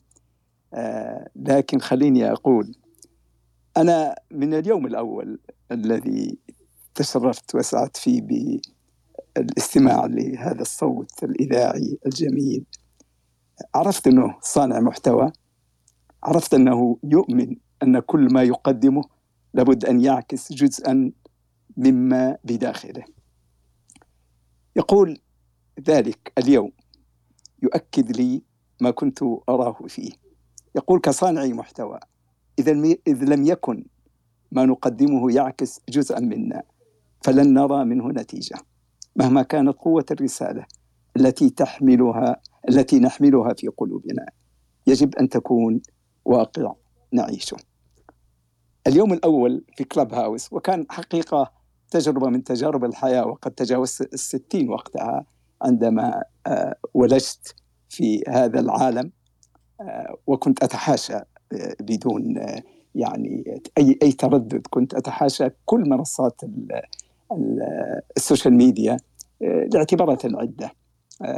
أهمها أنني لا أستطيع فيها أن أعبر عن كل ما بداخلي. وأنا من الناس الذي يؤمن بأنني المجال الذي لا أستطيع أن أعبر فيه عن كل ما بداخلي لا أستطيع أن آه، أستمر فيه. فعلى كل آه، كانت يعني تجربة من التجارب آه، خاصة يعني عندما تبتعد عن العمل الرسمي الذي أنت فيه فتصبح تمثل نفسك. فعندئذ أخذت حريتي أكثر في أنني ألج في هذه المنصات من هذا الباب. في اليوم الأول الذي ولجت فيه كانت هناك ولا زالت إن شاء الله فيها الخير بعض المنصات الجميلة جدا وكان فيها من من الأحداث ما فيها.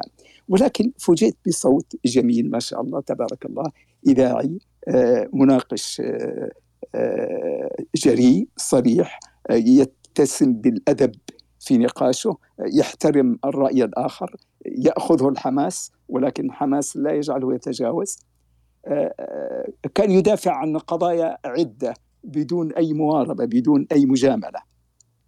آه، ت- تماما. آه، لا أريد أن أدخل في تفاصيلها إلا في واحدة فقط. آه، كانت آه، غرفة من الغرف في قمة الجرأة على الوالدين. فانتفض انتفاضة المؤدب في تذكير الناس عمن تتحدثون. آه، آه، جانب آخر كمان. فأذكر أنني أرسلت له رسالة على تويتر على الخاص آه، لم يكن بيني وبينه يعني آه، واتساب آه، و- و- و- و- وأبديت له يعني إعجابي بما, بما قدم ثم بدأت وثبة ليست المبكرين المبكرين. فدخلت. وجدت فعلا أنه يعني يعطي ويبني ويتساعد ويمد يده ويفتح المجال ويوسع ال ال ال ال ال المساحات إلى أصبحت وثبة بذاتها منصة من منصات الخير من منصات التي فتحت في مجالات عدة كانت ظروفي في وقتها تسمح لي بأن أشارك. آه، ثم حدثت لدي بعض المشاغل التي شغلتني كثيرا فابتعدت وخسرت ما في ذلك شك. لكنني آه، يعني أتمنى أن تزول بعض المشاغل. حتى على الأقل أعود لو ما عدت إلى آه، الكلب هاوس آه، على الأقل أعود إلى المساحات لأنني لم أنقطع عن تويتر وإن كنت مقل في في التغريد لكنني أتابع ما ما ما, ما, ما تجود به الساحة من عطاء. عبد الله حقيقة. شخصية عجيبة. شخصية حقيقة ليست غريبة عن شبابنا ولكنها فريدة في عطائها. لا أقول هذا مجامله اسمح لي أبو محمد. سأخذ راحتي يعني. في الحديث ليس من باب عبد الله أنا عندي الحمد لله أربع أولاد. بنتين وابني بكرت ببنت ثنيت بولد. ثلثت بولد بدأت ببنت ثنيت بابن فثلثت بابن ثم الدلوعة ما هي دلوعة يعني الصغيرة. هي, هي, هي بنت. عبد الله جاء في نفس السن الثالث من أبنائي وهو همام وكثير من التحركات والتصرفات تذكرني به كثيرا.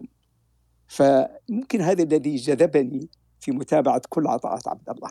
لكن الجانب الإداري الذي برع فيه عبد الله هو الذي جعلني أقول له الآن سر في هذا الطريق. ولا تلتفت لكل المعوقات التي قد تصادفك. ولا تلتفت لكل العقبات التي قد تعترضك. فالطريق أمامك واسع والعقبات كثيرة ستقابلك. من هنا تتعلم. من وثبة ستلج إلى الجامعة. أنا شايف الدكتورة إسراء معنا. أظن الدكتورة إسراء لما كانت في الابتعاث هنا ما توقعت اللي تقابله في الجامعة الان الآن. بس أشوف التغريدات حقتها تذكرني ببعض الأشياء. عبد الله تواصل مع إسراء واسمع منها. ماذا ستقابل في الجامعة؟ عبد الله ترى ما ترى في وثبة اليوم من التعاون ستجد امثاله في الجامعة ولكن ما تراه من بعض العقبات التي تراها في وثبة. ستقابل الكثير الكثير. عبد الله صنع من وثبة منصة لم أرى لها مثيل مع احترامي لكل المنصات. صنع منها عطاءات متنوعة وعدة. عبد الله فيه الصراحة في طرحه فيه الوضوح فيه العزيمة في العطاء آه، فيه آه، آه، الصفة الجيده جدا لا يتعجل النتائج لكن عبد الله من كثر عطائه أحيانا إن كان بيخطي على الناس يخطي من كثرة الناس الذي يود أن يذكرهم فتسقط أسماء لا يذكرها. فبس الشيء الوحيد الله يعينك يا تكتب الأسماء يا لا تذكر اسماء أوكي؟ لأنك أحيانا قد تسقط منك بعض الأسماء من الفريق المتعاون معك وقد يدخل فيها شياطين الإنس والجن ويخربوا عليك أعمالك. عمم وخص من يعني يختص ببعض الأشياء. حقيقة أنا ما ما أدري. من بداية اللقاء إلى الآن وأنا تحت تأثير العطاءات العدة التي يعني يقدمها عبد الله في حديث الشيق اليوم واخشى اني يعني أتكلم أتكلم أتكلم وأخذ عليك المجال يا سعيد. والله آه، والله يعني يا دكتور. ما ودي أقطعك يا دكتور بالعكس أنا أسمع الصوت الأب ناصح لابنه. إيش رأيك يا عبد الله؟ إي لا خلني لحظة خلني خلني الحين اخذت نفس وبليت ريقي خلني بأخذنا فاجأتني والله وأنا آسف على الزعقة اللي ممكن رنت الأذان لأني ما توقعت ابدا ابدا ابدا ابدا ولا 1% مساحة سعيد أنا أقول لك إي فأنا أقول لك أنت أتعبت أتعبت من بعدك والله يا سعيد. آه والدي محمد الدكتور محمد. طبعا الدكتور محمد ترى كان آه يعني وما زال آه آه ودائما أقولها يعني آه أنت بمكان الوالد. يعني في مواقف كثيرة تصير لي هنا في الابتعاث أتصل وأفضفض له. ويوم ولدي عزام آه يعني آه العملية ودخول العمليات قعدت أبكي مثل الطفل. مثل الطفل رفعت السماعة عليه على طول هو وأنا في المستشفى وقعدت أكلمه وقال ها بشر شاف صوتي يتعتع مثل ما يقولون ما عاد يناتع ما عاد فيه قال استعذ بالله واستعن بالله وهدي والأمور طيبة والله إني كنت أبكي مثل ما أبكي عند أبوي. فالدكتور محمد من أول رسالة أرسل لي إياها آه، طبطب على قلبي وكانت كانوا فعلا كان الحديث عن الوالدين وكان في جرأة على الوالدين فكنت أقول يعني اسمعوا من اللي ذاقوا فقدهم سواء كان بفقد مسافة أو بفقد آه، يعني أبدي. آه، اسمعوا منهم عشان تعرفون القيمة اللي أنتم آه، عايشينها. فدكتور محمد مثل والدي آه، ويعني أنا أناديه والدي محمد. بل أحيانا مرة مرة تصورت أنا وياه في السناب فواحد دخل قال هذا أبوك لأنه أشبه له يعني. يعني حتى شوف كنا نلبس نظارات. وصلعان وأبوي برضه نفس الشيء يلبس نظارة واصله خ- خلاص. مرة مرة مختمة مع كل جهة يعني ما عندك مشكلة. فالله يخليك لنا يا دكتور. ومكانك خالي و خالي يعني ولو إنه. إي ولو ولو ولو إنه يعني الخط سالك لي أنا إني أنا أتواصل معك آه، متى ما بغيت إلا إنه فعلا آه، تسأل يسأل عنك آه، ونحتاج نحتاجك كثيرا نحتاج وجودك نحتاج صوتك. آه، ونحتاج نصائحك اللي في كل وقت والله نحتاجها ولا تبخل علينا فيها. وآخرها النصيحة اللي ذكرتها قبل قليل وهي فعلا دائما أنا ما يعني أسقط في موقف محرج في قضية ذكر الأسماء. واحيانا ممكن بعد ما تنتهي المساحة أقول أنا ذكرت فلان ولا فلان فلذلك صنع وثبه أنا آسف إذا أنتم سمعتوا اسم وأسماء ما سمعتوها ف. لأن لأن العدد العدد ما شاء الله تبارك الله اللي يحبون وثبه منهم الصناع ومنهم غيره آه، في بالي كثير. فلذلك يعني شكرا لهم كلهم. والله يعطيك العافية أجل. دكتورنا. أجل خلينا سم. خلينا عندي رسائل لأن الحين بندخل على المحاور ما ودنا نطول. طب خليني بكمل مع الدكتور محمد يا أخي. والله بدي أقول لك كلام واجد. يلا قول. لا لا خلاص خلاص. دكتورنا دكتورنا اشحن أشحن جوالك لا تنام. بعد اللقاء بتصل عليك. يستاهل والله دكتور. انت لا. انت لا تفضحني إني من الناس اللي أنا ب... ب... ب... لا ما عند- عندهم يعني. عندهم هم متاخر أنت تنام الساعة 11 بتوقيتهم يا دكتور. أنا أنا أنا عشان كذا والله أعتذر لك يا دكتور محمد بس أنا ترتيب لا لا المحاور. لا لسه اي لا, والله. الس- لا لسه لسه. الساعة 8 ونص الشمس لسه الساعة طالعة. 8 ونص. ما هذا المغرب تونا. اي زين الحمد لله يعني ما طولنا عليه.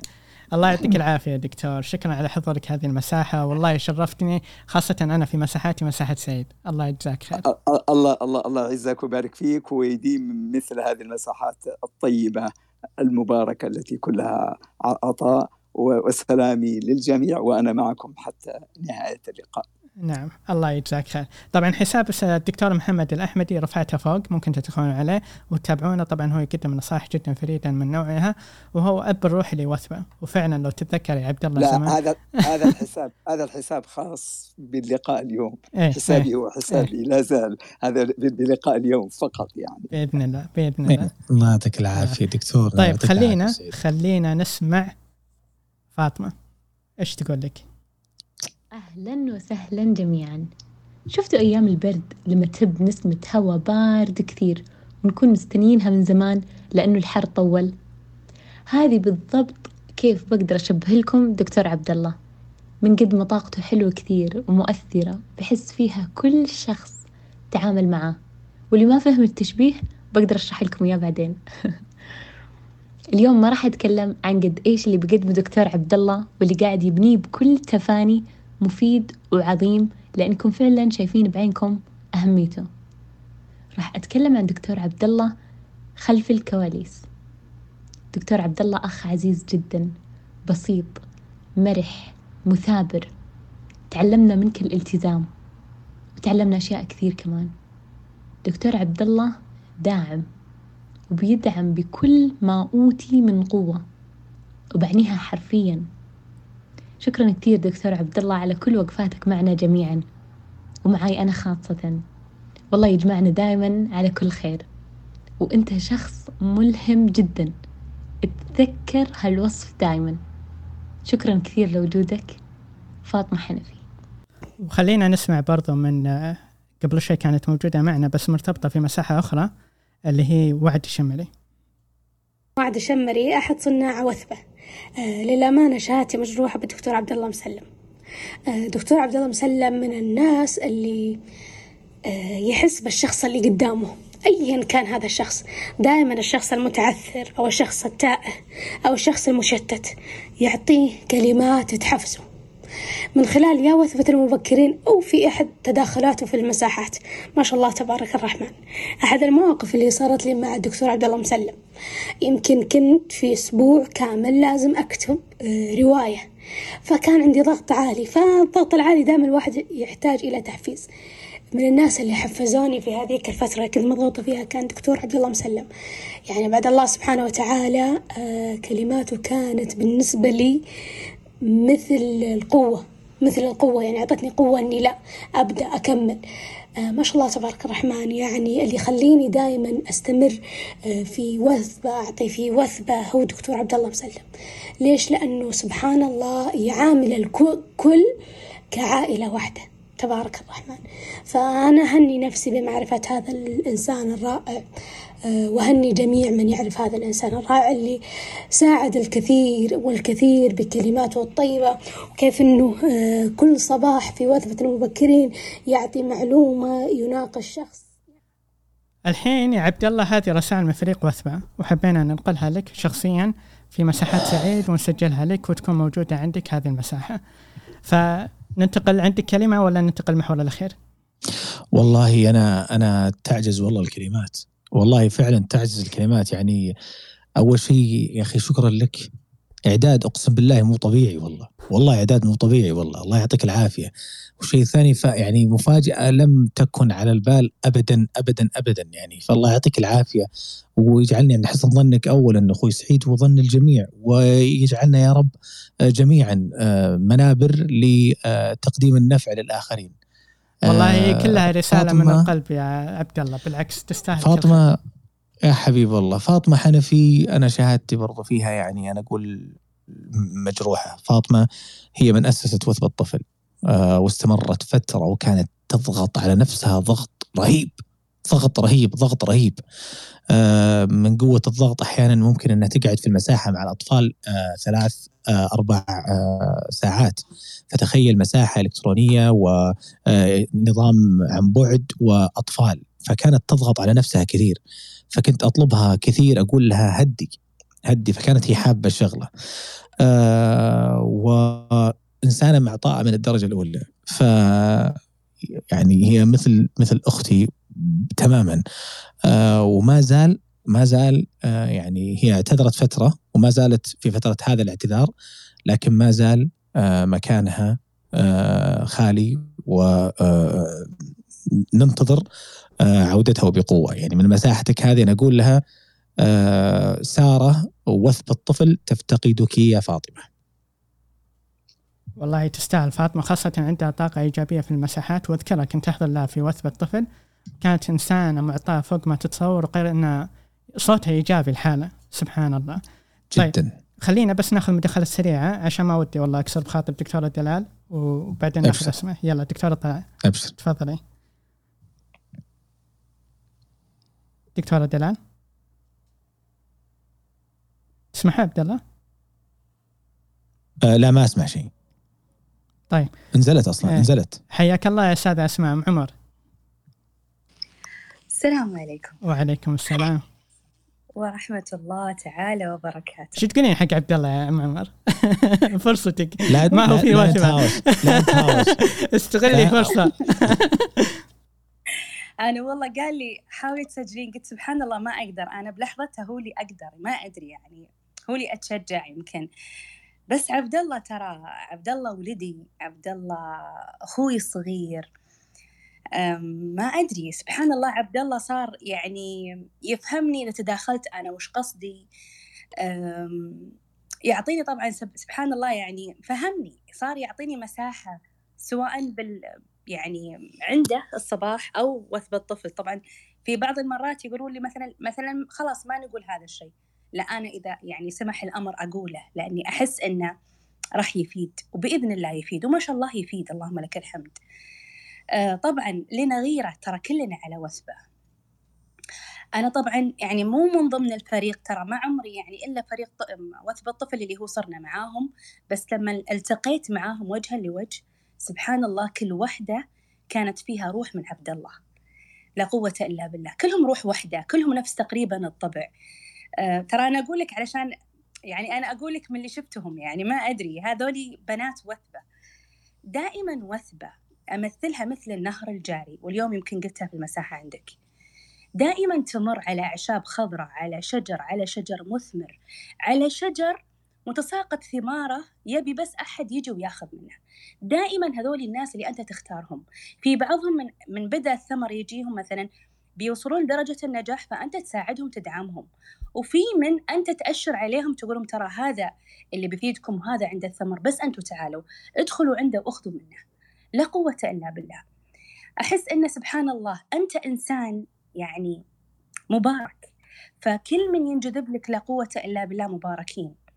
يعني من أكبرهم الدكتور محمد ترى دكتور محمد لما دخل أنا لا شعورية قاعدة أصيح لأنه فعلا دكتور محمد فعلا أب أب أب يعني روحه روح الأب. لما يتكلم لما ينصحنا لما يرسل لنا ما أدري. في ثقة. بعدين في ثقة يا أخوي عبد الله لما أرسل لك صرت تاخذ بكلمتي. تعرف فعلا حسستني إنك أنت فعلا ولدي.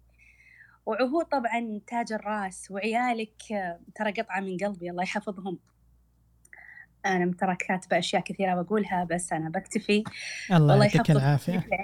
شكرا. لك يا عمر. شكرا لك. الله يرفع قدرك أم عمر. شكرا لك. وبتفاهم أنا وياك في والله أنا ودي أخذ مشاركات معجبين كثير يا عبد الله. ما في الله يرفع قدرك ويجعلنا عند حسن الظن. ما في لقاء تكون آه يعني آه أم عمر موجودة فيه إلا وفي طابع من الحنية والأمومة. بشكل عجيب. ترى أم عمر إذا إذا ما ما بدينا وثبة في وقتها تقلق وترسل وتتواصل وينك.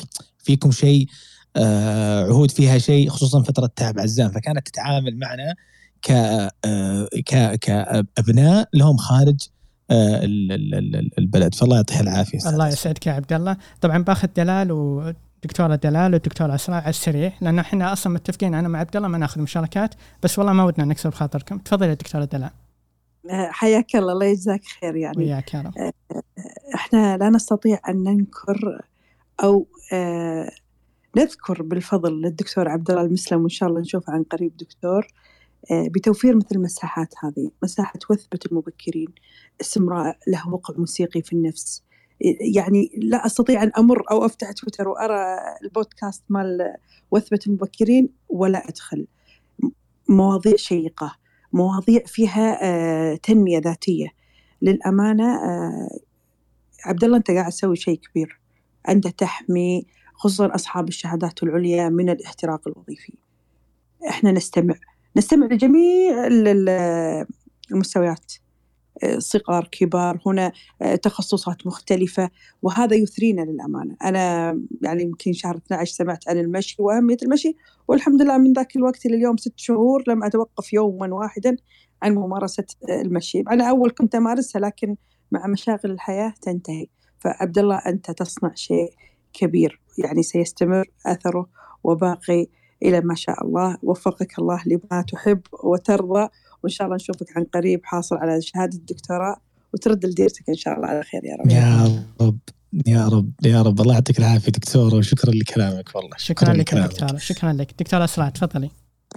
الله يعطيك العافية يا رب إن شاء الله.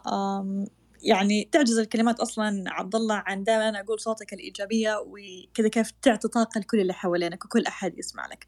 طبعا الوالد العزيز دكتور محمد لو نقعد نقول له شكرا من من يعني اليوم الدين ما نوفي حقه وهو يعرف أفضاله على المبتعثين جميعا فما ينفع إني أتكلم من غير ما أقول شكرا.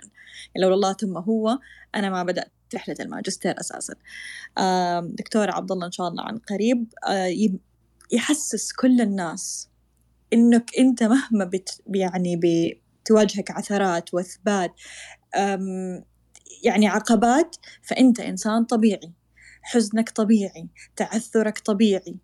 قوم أنهض مسح. يعني بعد الغبر عنك وكمل ترى مو لحالك اللي قاعد تطيح مو مو لحالك اللي قاعد تتعب. لكن إحنا هنا موجودين في وثبة عشان نسمع لبعض نفضفض لبعض نقفل ونرجع مرة ثانية نكمل شغلنا وحياتنا. كثير لما كان يتكلم لما أحد كان يدخل يتكلم بمثالية مثلا زايدة أو ب يعني يجمل المشكلة ويقول يا أخي مو كذا يا أخي. لا يا أخي أنا أحيانا ما أبغى أكون كذا يا أخي. كانت طريقة كلامه يقول يا أخي لا مو صح. لا تحسسني إنه أنا قاعد إنسان سلبي أو مكتف أو ما أبغى أتحرك. لا يا أخي أنا طبيعي أنا طبيعي بس أنا زعلان. أنا من حقي أكون زعلان. فكانت هذه الكلمة كذا تطبطب على أي حزين تطبطب على أي إنسان إحنا بشر وفي الأب وفي الداون في اللو وفي الهابينس يعني فأنت إنسان يعني واقعي جدا متواضع لأبعد الحدود ابتسامتك صدقني بتوصل من نبرة صوتك. شكرا شكرا شكرا على كل صباح كنا نسمع فيه صوتك ونقول أنا إنسان طبيعي يحق لي أحزن ويحق لي أفرح. يعطيك ألف شكرا لك يا دكتورة شكرا لك. تعليق سريع عبد الله؟ والله شلون شلون شلون أعلق تعليق سريع؟ أبى أعلق لك تعليق سريع يا دكتورة ان شاء الله على الخاص والله يعطيك ألف عافية ويكتب أجرك فيه جزاك خير والله. الله يعطيك العافية دكتور عبد الله طبعا سامحونا ما نقدر ناخذ مطالبات ثانية لأنه إحنا متفقين ان عبد الله هذه سيرة ذاتية ودنا بس تكون محصورة على عبد الله. طيب خلينا نكمل على المحور الأخير وهي خليها زي ما يقولون آه، أسئلة سريعة طيب عبد الله إنه آه، هل هل فعلا كل ما يحتاجه الإنسان أحيانا إلى مجرد وثبة؟ آه اي آه إحنا بس الوثبة هذه لو أخذها كل شخص على إنها تعبير آه بالقفزة وإنك أنت والله بتنتقل من مكان إلى مكان آخر. آه هي هي مثل خلينا نقول لك نشبهها مثل مده رجل القوية مع قفزة كذا شوي هذه الوثبه هذه آه تعبير مجازيا عن قضية إنك أنت ستنتقل من حال إلى حال بهذه القفزة. فلذلك اختر المكان والوقت المناسب آه واللي نحتاجه بس وثبة. يعني بس نحتاج زي اللي تدفى كذا بس وبنمشي إن شاء الله. طيب هل هو هل مشروعك وثبه هو قائم ولا ولا إيش ما بعد ألو... ما ب... ماذا بعد وثبة يعني؟ آه... وثبة ثانية. تمام. ممتاز. يعني ما زلنا في وثبة يعني ما وثبة يعني آه... آه... مثل ما يقولون يعني فرد من أفراد العائلة. تمام. طيب خلينا أجل ناخذ المحور الأخير هي عبارة عن خمسة رسائل. لأن إحنا في المحور قلنا إنه أول شيء عبد الله الإنسان وعبد الله المهنة والآن راح نكتب رسائل مع بعض أنت يا عبد الله إيش ممكن تقول لعبد الله اليوم تسمعها بعد خمس سنوات؟ أوف تدري إني مجهز بس انه ضاع ورغم إني كاتب آه، لأنه يعني أنا داري إني بسمع اللقاء بعدين لكن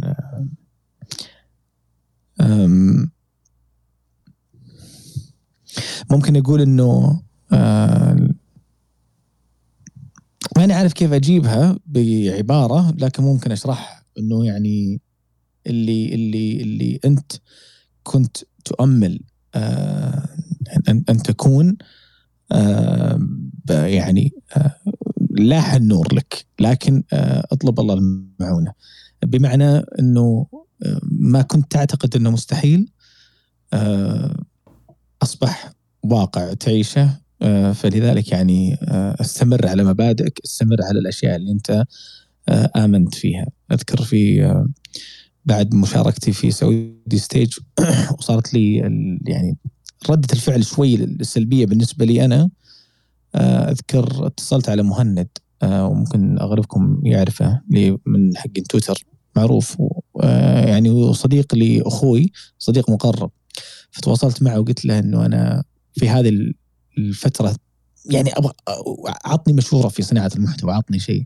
فكان يقول لي بودكاست كنت أقول له وين بودكاست الكلام هذا 2018 أو بداية 2019 قلت وين بودكاست بودكاست وش البودكاست أروح أدخل SoundCloud وأسوي. آه بس كان عنده بعد نظر و والحمد لله يعني الآن أشوف تشوف نفسك يعني رائد في هذا المجال بعد خمس سنوات؟ آه رائد لا ما بالعكس إحنا نتعلم وبنستفيد من بعض بكل ما تأتيه يعني المسألة من آه، قوة. لكن آه، هي في النهاية في النهاية نحتاج نحتاج إلى وثبة في كل لحظات حياتنا. فأنا أنا أقول إنه الرسالة طولت عليك يا عبد الله وأنت بتسمعني إياها بعدين لكن استمر. يعني الطريق ما زال طويل وفي نفس الوقت ما راح تلقاه ممهد. صحيح. طيب لمين تقول أنا آسف وبرضه لمين تقول آه شكرا؟ أوه شخص واحد بس يعني؟ براحتك. طبعا أشخاص كثير أقول لهم شكرا. لا حدد لي واحد كثير. تقول له أنا آسف وتحدد لي واحد تقول له شكرا. طيب أنا عشان عشان بس أكون يعني آه، فعلا أنا أقول آه، آسف آه، لامي وأبوي آه، آسف آه، على الفترة الطويلة اللي أخذتها في الابتعاث من 2013 وحتى الآن 10 سنوات آسف إني بعيد آسف آه، إنه اللحظة اللي احتجتي فيها يما إنك أنت تروحين المشوار مثلا ولا إنك أنت آه، تحتاجين شغلة آه، وكان الوقت ما يساعد أخواني آه، كنت أنا موجود هنا وقاعد ما قدرت إني أنا أفيلك بالغرض اللي أنت تبغينه. آسف يا أبوي آه، على اللحظات اللي ممكن إنك أنت كنت مستاء من شيء معين وقمت تمشي في الممشى قدام البيت آه، متضايق وكنت تحتاج لابنك عبد الله جنبك ابنك الأكبر. آه، آسف إنها أخذتني رحلة الابتعاث. آه، وشكرا إنكم أنتم صبرتوا. وشكرا إنكم أنتم ترسلون لي لمساتكم الحانية هذه من فترة لفترة ثانية. لن يشعر ببعد الوالدين أحد مثل ما يشعر الشخص إذا اغترب أو فقدهم للأبد. آه، شعور البعد الوالدين شعور شعور مهما كان عمرك مهما كان آه، آه، قدرتك المالية مهما كان عنفوانك ممكن إنك تاخذك الدنيا وتاخذك المشاغل لكن في لحظة من اللحظات إذا فقدتهم بيكون زي الكف اللي صحاك من النوم اللي أنت فيه وشعرت إنك أنت فعلا فقدت شيء عظيم فلذلك أنا كل يوم أروح فيه الجامعة آه، إذا أنا قدام الكمبيوتر واحاول إني أنا أكتب احاول إني أنا أشتغل في البحث. يعني تجيني غصة آه، بطريقة أو بأخرى إني أبغى أخلص بس أبغى أخلص عشان أقول لأبوي تراني خلصت افرح انبسط خلصت يما افرحي انبسطي آه لا, لا, لا, لا, لا تشغلي بالك خلاص برجع إن شاء الله قريب ف آه، كل هذه المشاعر كلها مدموجة فيما بعد فيما بعض. آه، الشخص الثاني آه، زوجتي أم عيالي حبيبتي والغالية عهود آه، خليها خليها إيش رأيك تخليها رسالة توجهها للزوجة؟ الزوجه. ولا الاولاد يلا تفضل. الحين يعني قصدك؟ أوكي. إيه، يلا أنا أقول يعني فعلا زوجتي والغالية على قلبي عهود أنها يعني ما كانت فقط يعني ما كانت آه، فقط يعني آه، آه، زوجة. بصراحة أنا كتبت فيها مقال بس ما نشرته. وممكن يعني آه، أقرأ لك الحين إذا تبغى. والله ودك؟ براحتك ودك عادي. مو؟ مقال مو مقال خاطرة. لا خاطرة يلا، يعني ولا تجي تسمع. بسيطة يعني. هي موجودة أوكي. معنا تسمعك. سميتها أنا روح من حديد. آه سقطت مرات فساعدتني بالنهوض. تعثرت كثيرا ولم تمل من مدي من مدي من مدي آه من مد يد العون. آه بكيت حتى جف الدمع ولم تفتأ عن الطبطبة على قلبي. تقف أمام همومها وهموم من حولها. تدافع عن الآخرين رغم نزف جراحها. لا تتوقف أبدا عن مساعدة الآخرين. تكبت همومها إذا رأتني في همي ولا تتحدث. بل تستمع وتنصت إلي وكأن بل تستمع وتنصت إلي وكأن و و و وإن كان قلبها يصرخ هما أبناؤها معاناة التربية لا ينكرها أحد مسؤوليتها عظيمة لكن البعض قد يتهاون. أما هي فنحن نتحدث عن عظمة الأم. الحنان الذي تنشره في المنزل لا يقف عندهم فحسب بل يصل إلى أبعد من ذلك وأكثر. أنا لا أحدثكم عن أمي أو عن الأم بشكل عام بل أحدثكم عن زوجتي التي احتوتني يوم ابتعد عني الآخرين وحفزتني حين خذلني الآخرون وأعانتني بمالها ونفسها ووقتها يوم أن بخل علي الآخرون. اسمها اسمها عهود وأتى اسمها بدون ال التعريف لكي لا يحصر المعنى بل ليعكس حالها فهي عهود لمن تحب هي عهود اسم على مسمى. الله يحفظكم ويديمكم على الود والمحبة يا رب ويحفظكم من كل شر إن. شاء الله بإذن الله. آمين. آمين. رسالة آمين. تكتبها اللهم للأولاد يسمعونها بعد خمس سنوات. آه عاد محمد وعزام وديم. ديم. لا انت قلت الأولاد فلذلك المفروض تقول محمد وعزام وديم تخصها. يلا. ترى زعل. يلا. لا والله بالعكس. أنا أنا أنا أنا عيالي آه، محمد وعزام وبرضه ديم إن شاء الله إذا بدأت تستوعب. ماشي معهم على رسالة وأنا أنا أبيها لنفسي قبل ما أبيها لهم هم. انه شفت انت المقطع اللي قلت if you got a dream you gotta protect it if you have a dream you gotta protect it ترى كنت اردد أنا ومحمد كل ما جينا نروح المدرسة اصور قبل ما يدخل المدرسة واقول له what's the message يا محمد يقول أقول له if you have a dream يقول you got to protect it uh, don't let anybody يجي يقول you can't do it if you want to get something يقول go get it period يعني يعني أنا قاعد أمشي معهم بهذه الرسالة اللي كل ما اقتنعت إنك أنت راح تغير من نفسك حتى حين إذا جم يتكلم معي يقول فلان قال لي تنمر علي أو حاجة زي كذا أقول كلمة واحدة هل أنت مثل ما قال؟ قال لي لا طيب ليش زعلان؟ ليش يقول لي كذا؟ طيب هل تقدر تدافع عن نفسك؟ وقتها لا ليش زعلان؟ خلاص اتركه مو مو كل معركة يعني بالرغم من صغر سنهم الآن لأني أنا أتفاهم أتف... أحاول إني أفهمهم هذه الفكرة بحيث إنه مو كل كلمة يسمعونها ممكن يتأثرون لأنه عبد الله تأثر في يوم من الأيام من كل كلام كان يسمعه فيعرف الألم اللي هم يمرون فيه فلذلك لا ابعد ابعد تعال ابعد. يعني بالمناسبة في موقف صار الويكند مع محمد ولدي كان يلعب كورة ولعب دخل مع كبار فجو قالوا له إيش تبي أنت؟ يعني راح بزر أنت. فجاني يصيح أنا ذيك اللحظة طلع فيني عبد الله الطفل فرحت مغتاظ يعني. أبغى والدين الطفل هذا. فلما جيت لقيته ولد كبير يعني في المراهقة وشنب وسكسوكة والرجال فاغتظت مرة. فسجلت موقف قدام محمد ثم جيت قلت أنا رحت لأنه كبير. لو صغير ترى ما راح أروح. يا أنك أنت تدافع عن نفسك مثل ما هو تدافع تتكلم معك أو أنك أنت فكر بأنك أنت تتجاهل أو تجي. لأنه whatever they saying أي شيء يقولونه هم it's not true مو حقيقي عنك أنت. leave them طبعا هذا لمحمد وعزام أما ديم ديم لا هذه شيء ثاني ديم. الدلوعة ها؟ ديم ثاني بابا. دي, دي, دي, دي, ديم إذا تبي إذا تبي أعطيها رسالة الحلقة الجاية إن شاء الله. هذا وعد منك. ها. أعطيها حلقة كاملة أعطيها حل- حلقة كاملة. الله يحفظهم لك. إن شاء الله تبلغهم يا رب. فعلا مناسب وإن شاء الله تبلغهم أجمعين.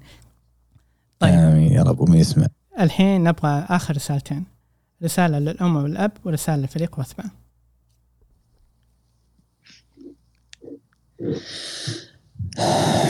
رسالة للأم والأب. آه أنا أذكر آه، موقف آه لأمي الله يحفظها. آه ما زلت أذكره بتفاصيله. كنا في البيت أنا وخواتي كنا ناظر أذكر كانت مباراة. آه فكنت أنا اللي قاعد أناظر مباراة. و إلى الآن إلى الآن الموقف في بالي 23 سنة ما نسيته. فأمي وأبوي كانوا داخلين جايين من برا. شيلنا أغراض ومقاضي وبقالة وكذا. فكنا زعقنا مع هجمة وكنا مع بعض. فأنا ما لمحت إلا أمي تركض وبيدها كيس ويوم شافتنا نضحك رمت الكيس كذا علينا وانهارت قاعدة تصيح. فكانت تسمع زعاقنا وتحسب إن فينا شيء. فتخيل جاية من باب الشارع تركض ركض ركض.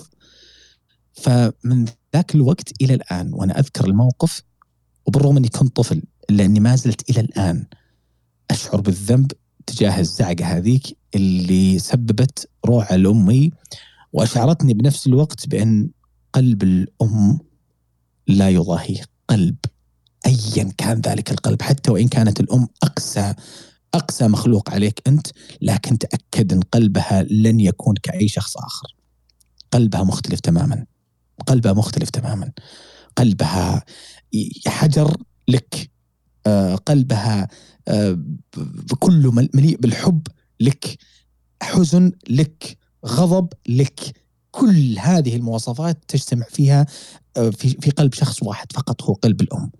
لا يمكن لا يمكن واشوفها الآن أنا مع زوجتي ومع عيالي لما أشوف زوجتي تتعامل معهم أقول يا عجيب يعني عجيب قلب ال- الأم مقارنة بقلب الأب وليس وليس تقليل لكن هي طبيعة تختلف. فأنا أقول أقول لأمي برفع راسك قريب إن شاء الله و يا رب أنا آسف آه، مرة ثانية على الفترة الطويلة هذه لكن إن شاء الله لأن أنا ترى سنتين ما رحت السعودية حتى الآن أنا وزوجتي وعيالي آه، بسبب كورونا بسبب الأمور هذه كلها. آه، أما أبوي أبوي وأخوي وصديقي يعني أبوي أبوي يعني إذا إذا رفع السماعة ودق علي كأنه زميلي وكأنه صاحبي اللي داق علي وسولف أنا وياه. يعني أنا كنت أتمنى إني أنا أعرف ألعب بلوتفس عشان ألعب مع أبوي وتحقق الحلم الحمد لله. فأبوي مثل صديقي مثل صاحبي. آه يجي يلا مشينا نروح أنا وياك. فأنا أقول له أبوي آه إن شاء الله إنك أنت ربيت رجال والرجال هذا بيرفع رأسك يوم في الأيام وإذا خذلك آه، أعرف إنه من من من من قل فيه وليس من قل تربيتك بل من قل فيه سوء سلوك منه.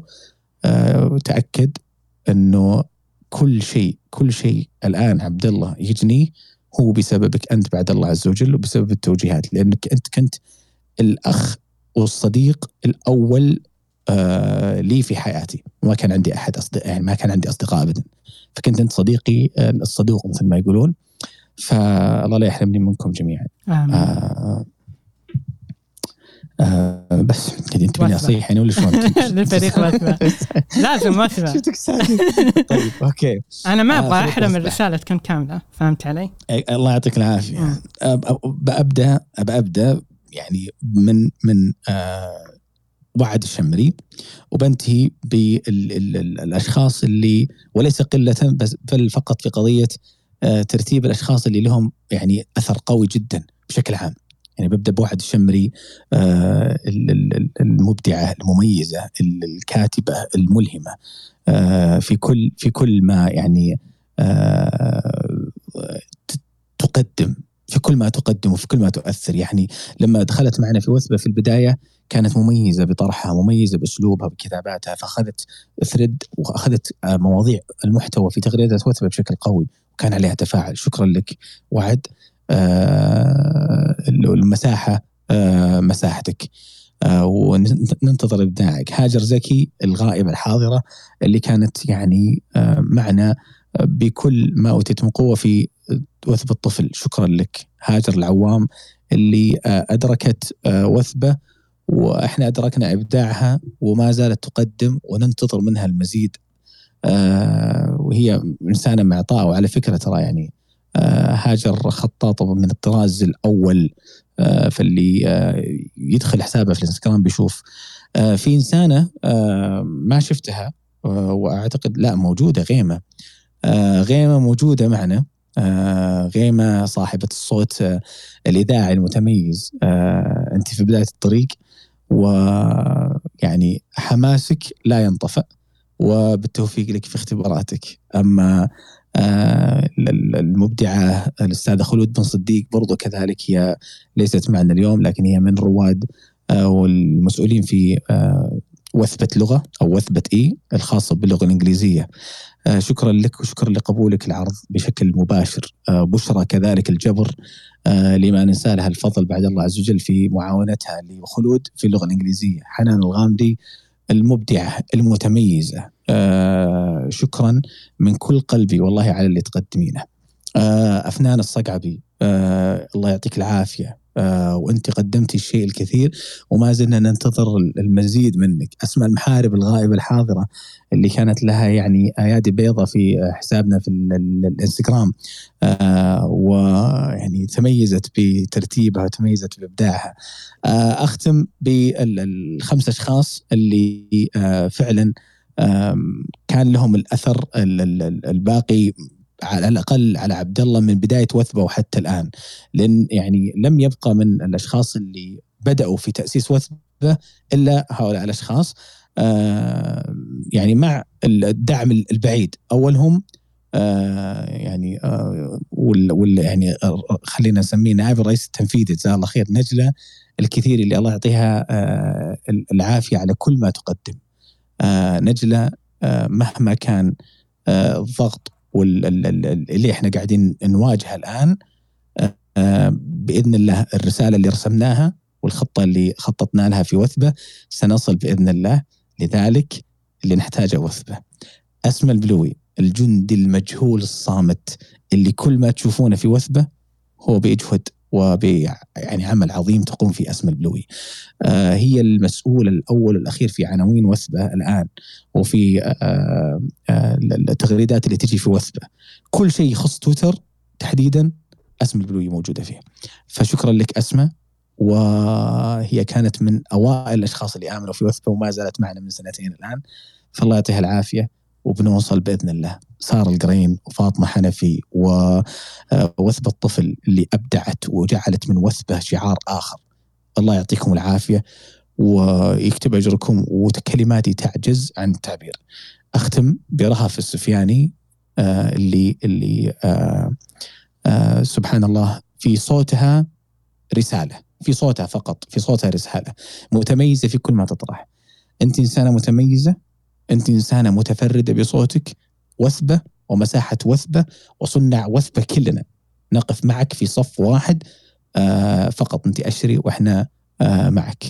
آه كفريق عام وبشكل برسالة عامة للفريق وثبة اللي إحنا قاعدين نقدمها إحنا ترانا نحتاجها قبل ما يحتاجها المتلقي. فاللي نحتاجه يصنع وثبة وثبة.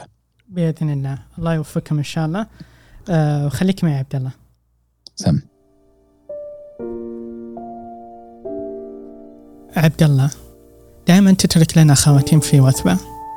أما الآن نترك لك خواتيم في مساحات سعيد وبطريقتنا الخاصة. خواتيم هي من أقرب الأشخاص لك.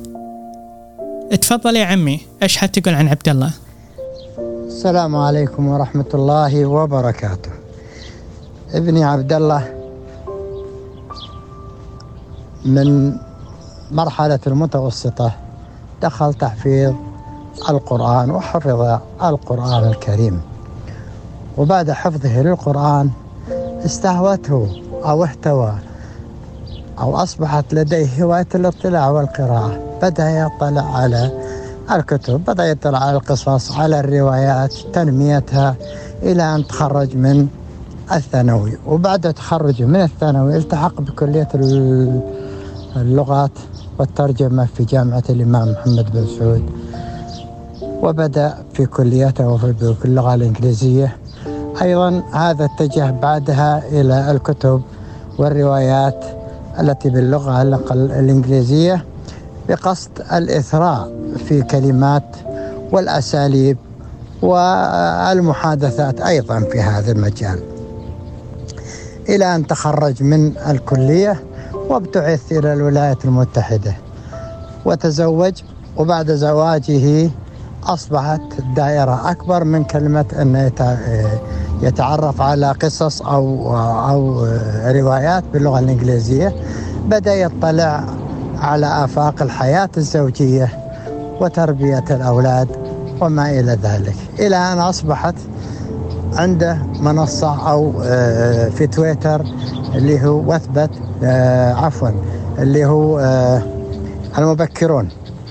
هذه المبكرون بدأت معه في هذه الكتب وبدأ يلقي على مجموعة إلى أن تبع أكثر من شخص بنفس يمارس نفس الهواية ونفس الرواية. وهي عبارة عن أنه يقرأ كتاب ويستطيع أن يلخص هذا الكتاب أبو 300 صفحة. ممكن أنه يلخصه في ورقتين أو ثلاث ورقات يلقيها على شخص المستمع يستوعب ما في هذا الكتاب الكامل. طبعا طلعت فيه مع زملائه ومن شاركوه في وثبه بأنهم يقرؤون نفس الكتب ويتبادلون الآراء ويتبادلون الأفكار في هذه المجال. وتوسعت الدائرة إلى أن أصبح عنده منصة منصة وثبة. ومنصة وثبة في الحقيقة اشتملت على أشياء كثيرة منها تربية ومنها للأطفال ومنها للدكاترة ومنها لمتوسطي التعليم. فعلا أصبحت وثبة هي منصة كبيرة وكاملة. وهذه قصة عبد الله. واستهواءه للقراءة حتى الآن وهو يهوى القراءة وهو يطلع ويهوى خدمة الغير عن طريق الكتب. شكرا. تفضلي يما إيش حابة تقولين عن عبد الله؟ أبني عبد الله مشتاقة لك كثير وفخورة جدا فيك لوصولك لهذا المستوى العالي من العلم والأخلاق. طبعا عبد الله كان محبا للقراءة. من يوم كان صغير تقريبا في مرحلة متوسط دخل حلقة تحفيظ في نفس المرحلة المتوسطة. بدأ فيها بحفظ القرآن وأكمل حفظ القرآن ولله الحمد. جعل الله شفيعا له ساعد القرآن كثيرا بحب القراءة أكثر أكثر. بدأ بعدها بقراءة الكتب العربية والدينية وبعد نهاية من كل كتاب يبدأ بتلخيصه. بعد فترة زاد شغفه للقراءة وبدأ يبني مكتبة متكاملة في غرفة النوم.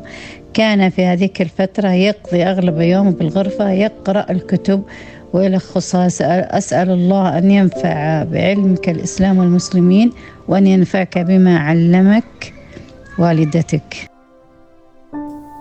أما هذه الرسالة يا عبد الله هي مكتوبة نصيا. راح أقراها لك. عبد الله شعلة متميزة. معطاءة متجددة. منذ ارتباطنا ببعض وأنا أذكر له ذلك باستمرار. وأدفعه لخوض التجارب الجديدة. لأني مؤمنة أنه شخص يحمل رسالة. ورسالة سامية وطموحة يحمل طاقة مميزة. ويستطيع أن ينقلها للآخرين بطريقة احترافية. أتمنى لك كل التوفيق. وأقول لك أنت بالطريق الصحيح. لإيجاد شغفك وطموحك وتحقيق أحلامك بإذن الله هذه رسالة من زوجتك عهود أهلين محمد إيش حاب تقول لي بابا؟ Daddy, if you got a dream, you gotta protect it. Don't let anyone tell you you can't do it. If you wanna go get something, go get it. Period. يلا بعد دورك الحين عزام يلا إيش حاب تقول لبابا؟ بابا؟ you have done so hard work, so I'm so proud of you. So I love you so much, so much, and thank you for doing everything for us. You are the best dad. I love you so much. والأخيرة أكيد ديم حبينا ناخذ منها كلمة ولكن إلى الآن هي صغيرة الله يحفظها لك وتبلغ فيها إن شاء الله بإذن الله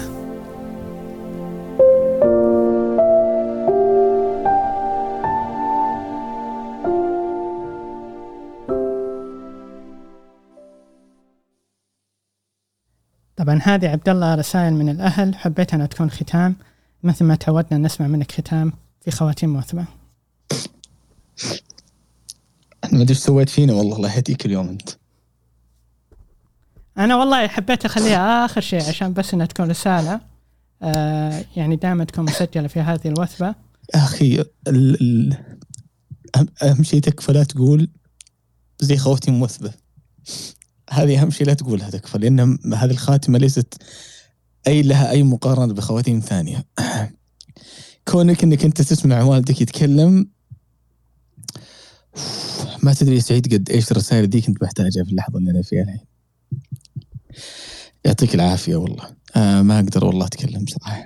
ما أقدر أتكلم ولا أقدر أعبر والله. فاجأتني والله ولا واحد في المية إلى درجة حتى زوجتي تجي وتروح تجي وتروح أقول لها أنت لك شيء في اللقاء؟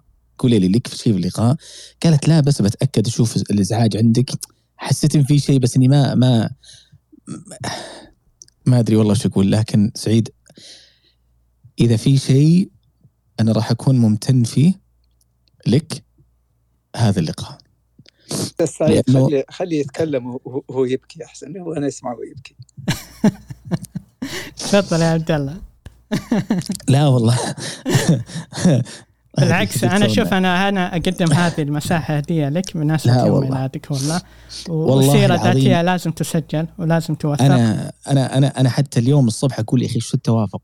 يوم ميلادي ويوم فلذلك يعني أنا أقول أقول لك شكرا لك. والله شكرا والله سويت شيء عظيم. والله العظيم إن في مرحلة ضغط ما يعلم فيها إلا الله عز وجل ثم زوجتي. آه ف شكرا لك. أنا والله شوف ما ودي شكرا لكل شخص. شكرا لكل شخص تكلم. شكرا لكل شخص آمن في عبد الله. شكرا لكل شخص والله ما أدري. أنا الحين أقول في خاطري أنا ما أدري إيش سويت عشان هذا الحب العظيم. شكرا. تراني مرسل المقطع أو مرسل الرابط لأهلي في الجروب أقول ادخلوا. ما دريت إنهم يعرفون كلهم عن الموضوع. فأقول لك شكرا. يا أخي قرب بحضنك يا أخي إيش فيك أنت قرب؟ يطلع إبليس. والله العظيم شيء شيء شيء شيء يثلج الصدر. والله العظيم ما تخيلتني بكون في هذا الموقف ابدا ابدا والله. يعني أنا أنا أقول لك أنا دائما أحرص أخلي الضيف يكون في هذا الموقف. ما تخيلت ولا يوم من الأيام إني أنا بكون في هذا الموقف. يعني قضية إنك أنت يا أخي أنت قوي وصلت لأمي وأبوي شلون وصلت؟ يعني أقول قضيه قضية إنك تسجل أمي ترى أمي في السناب لما أصور معها ما تبي تطلع صوتها. فلما تسجل رسالة لي كذا بشكل خاص يا أخي أنت شخص عظيم شكرا لك والله. الله يسعدك يا دكتور. بالعكس إن شاء الله الوطن مشتاق لك هذا أول شيء. وكلنا مشتاقين بس تعرف من هو الاشد تعرف من هو الاشد تفضل. تسمح لي؟ تفضل يا دكتور. تعرف من هو الاشد إنك أنت توقعت إنه سعيد. أتعب مما مما أنت توقعت في البداية بأن سعيد أتعب من من يأتي من بعده. سعيد فعلا أتعب. والله أتعب والله أتعب يا دكتور. أقسم بالله العظيم أنا قلت له في البداية قلت له أول ما بدينا المساحة قلت له أنت أتعبت من بعدك بهذه المقدمة. آه ف ما دريت أن الخاتمة بتكون قاصمه الظهر صناع وثبة إجازة أسبوع. الله يعطيكم العافية. يلا هذه واسطه لكم.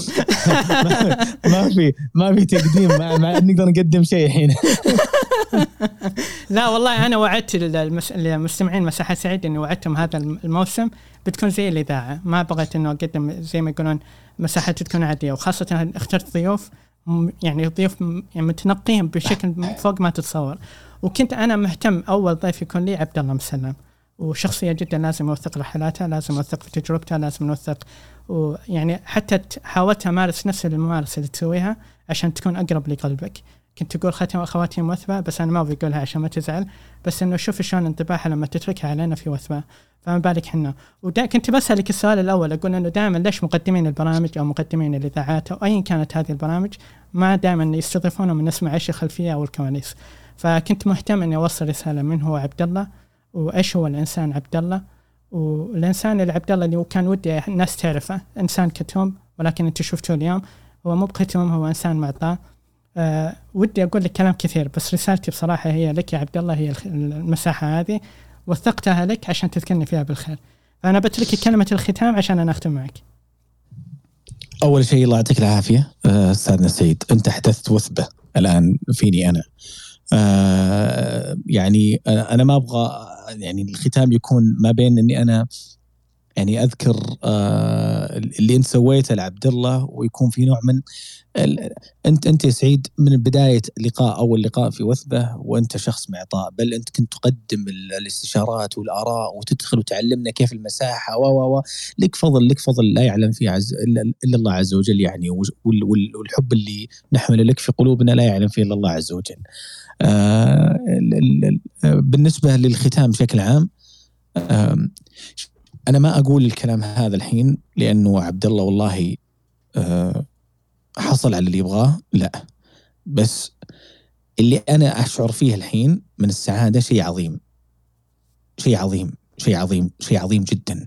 زين بسبب اللي أنت سويته لي يا سعيد وسبب إنك أشعرتني بإن فعلا فريق وثبة والعمل في وثبة والشغل هذا كله اتى ثماره الآن. التطرق آه، آه، لقضية الأسرة برضو آه، هذا شيء جانب ثاني ما راح انسى لك إياه.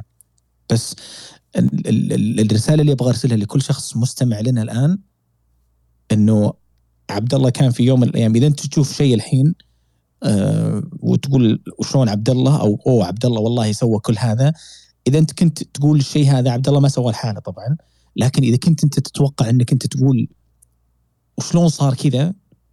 ترى كنت في يوم من الأيام أقول أنا أخاف أطلع قدام الناس. كنت خايف سعودي ستيج ذيك التجربة كنت أنتفض. ما كنت ما نمت ليلتها. ما نمت ليلتها ابدا. من من التفكير من كيف انه بيكون. كنت أقول لا أنا ماني بقد المسؤولية إني أنا أظهر قدام الآخرين وأتكلم. إلى أن جت زوجتي وقالت لي يا عبد الله جرب. يا عبد الله أطلع قدام الناس. يا عبد الله أنت عندك. أنت تحتاج إلى شخص جنبك يقول لك كم؟ الشخص هذا زوجتك الشخص هذا زوجك ايا كان الشخص هذا يقول لك كم؟ الفكرة الأساسية هي اللي لازم تقتنع فيها ابدأ. ابدأ وبتشوف الطريق قدامك. ابدأ. بس الشيء المهم اللي اللي اللي أنا أحذرك وأحذر نفسي. انتبه انتبه. تعض اليد اللي مدت لك. هذا واحد. ثاني انتبه انك تعتقد ان القمة لك انت لحالك. وان نجاحك بيكون بفشل الآخرين. انتبه. الشيء الثالث وهذا المهم والمهم جدا اللي عندك وتقدر تقدمه للناس لا تشرط على أحد. بمعنى قدم كأنك انت تقدم لنفسك. قدم المعلومة قدم النصيحة قدم كأنك أنت تقدم نفسك لأنك أنت في النهاية قاعد تقول للناس إحنا نبغى ننشر المحتوى المعرفي نبغى ننشر المحتوى الراقي. إذا أنت تبغى تنشر صدق قدم. لا تقعد تعطي طعم ثم تقول للناس تعالوا فلوس تعالوا سووا كذا. أو لا تقعد تشعر الناس بشيء غير الواقع اللي أنت تعيشه.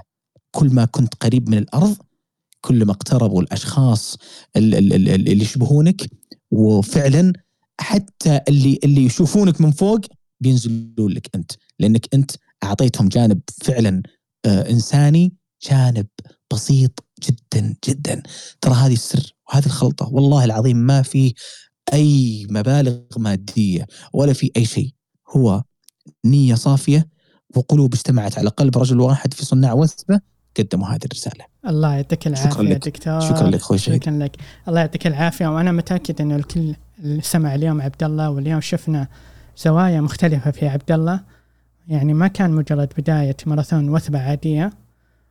وثبة غيرت لكل من حضر وثبة. وهذه هي ختام المساحة اليوم. وأترككم إن شاء الله ونلتقي فيكم في مساحات أخرى في رعاية الله.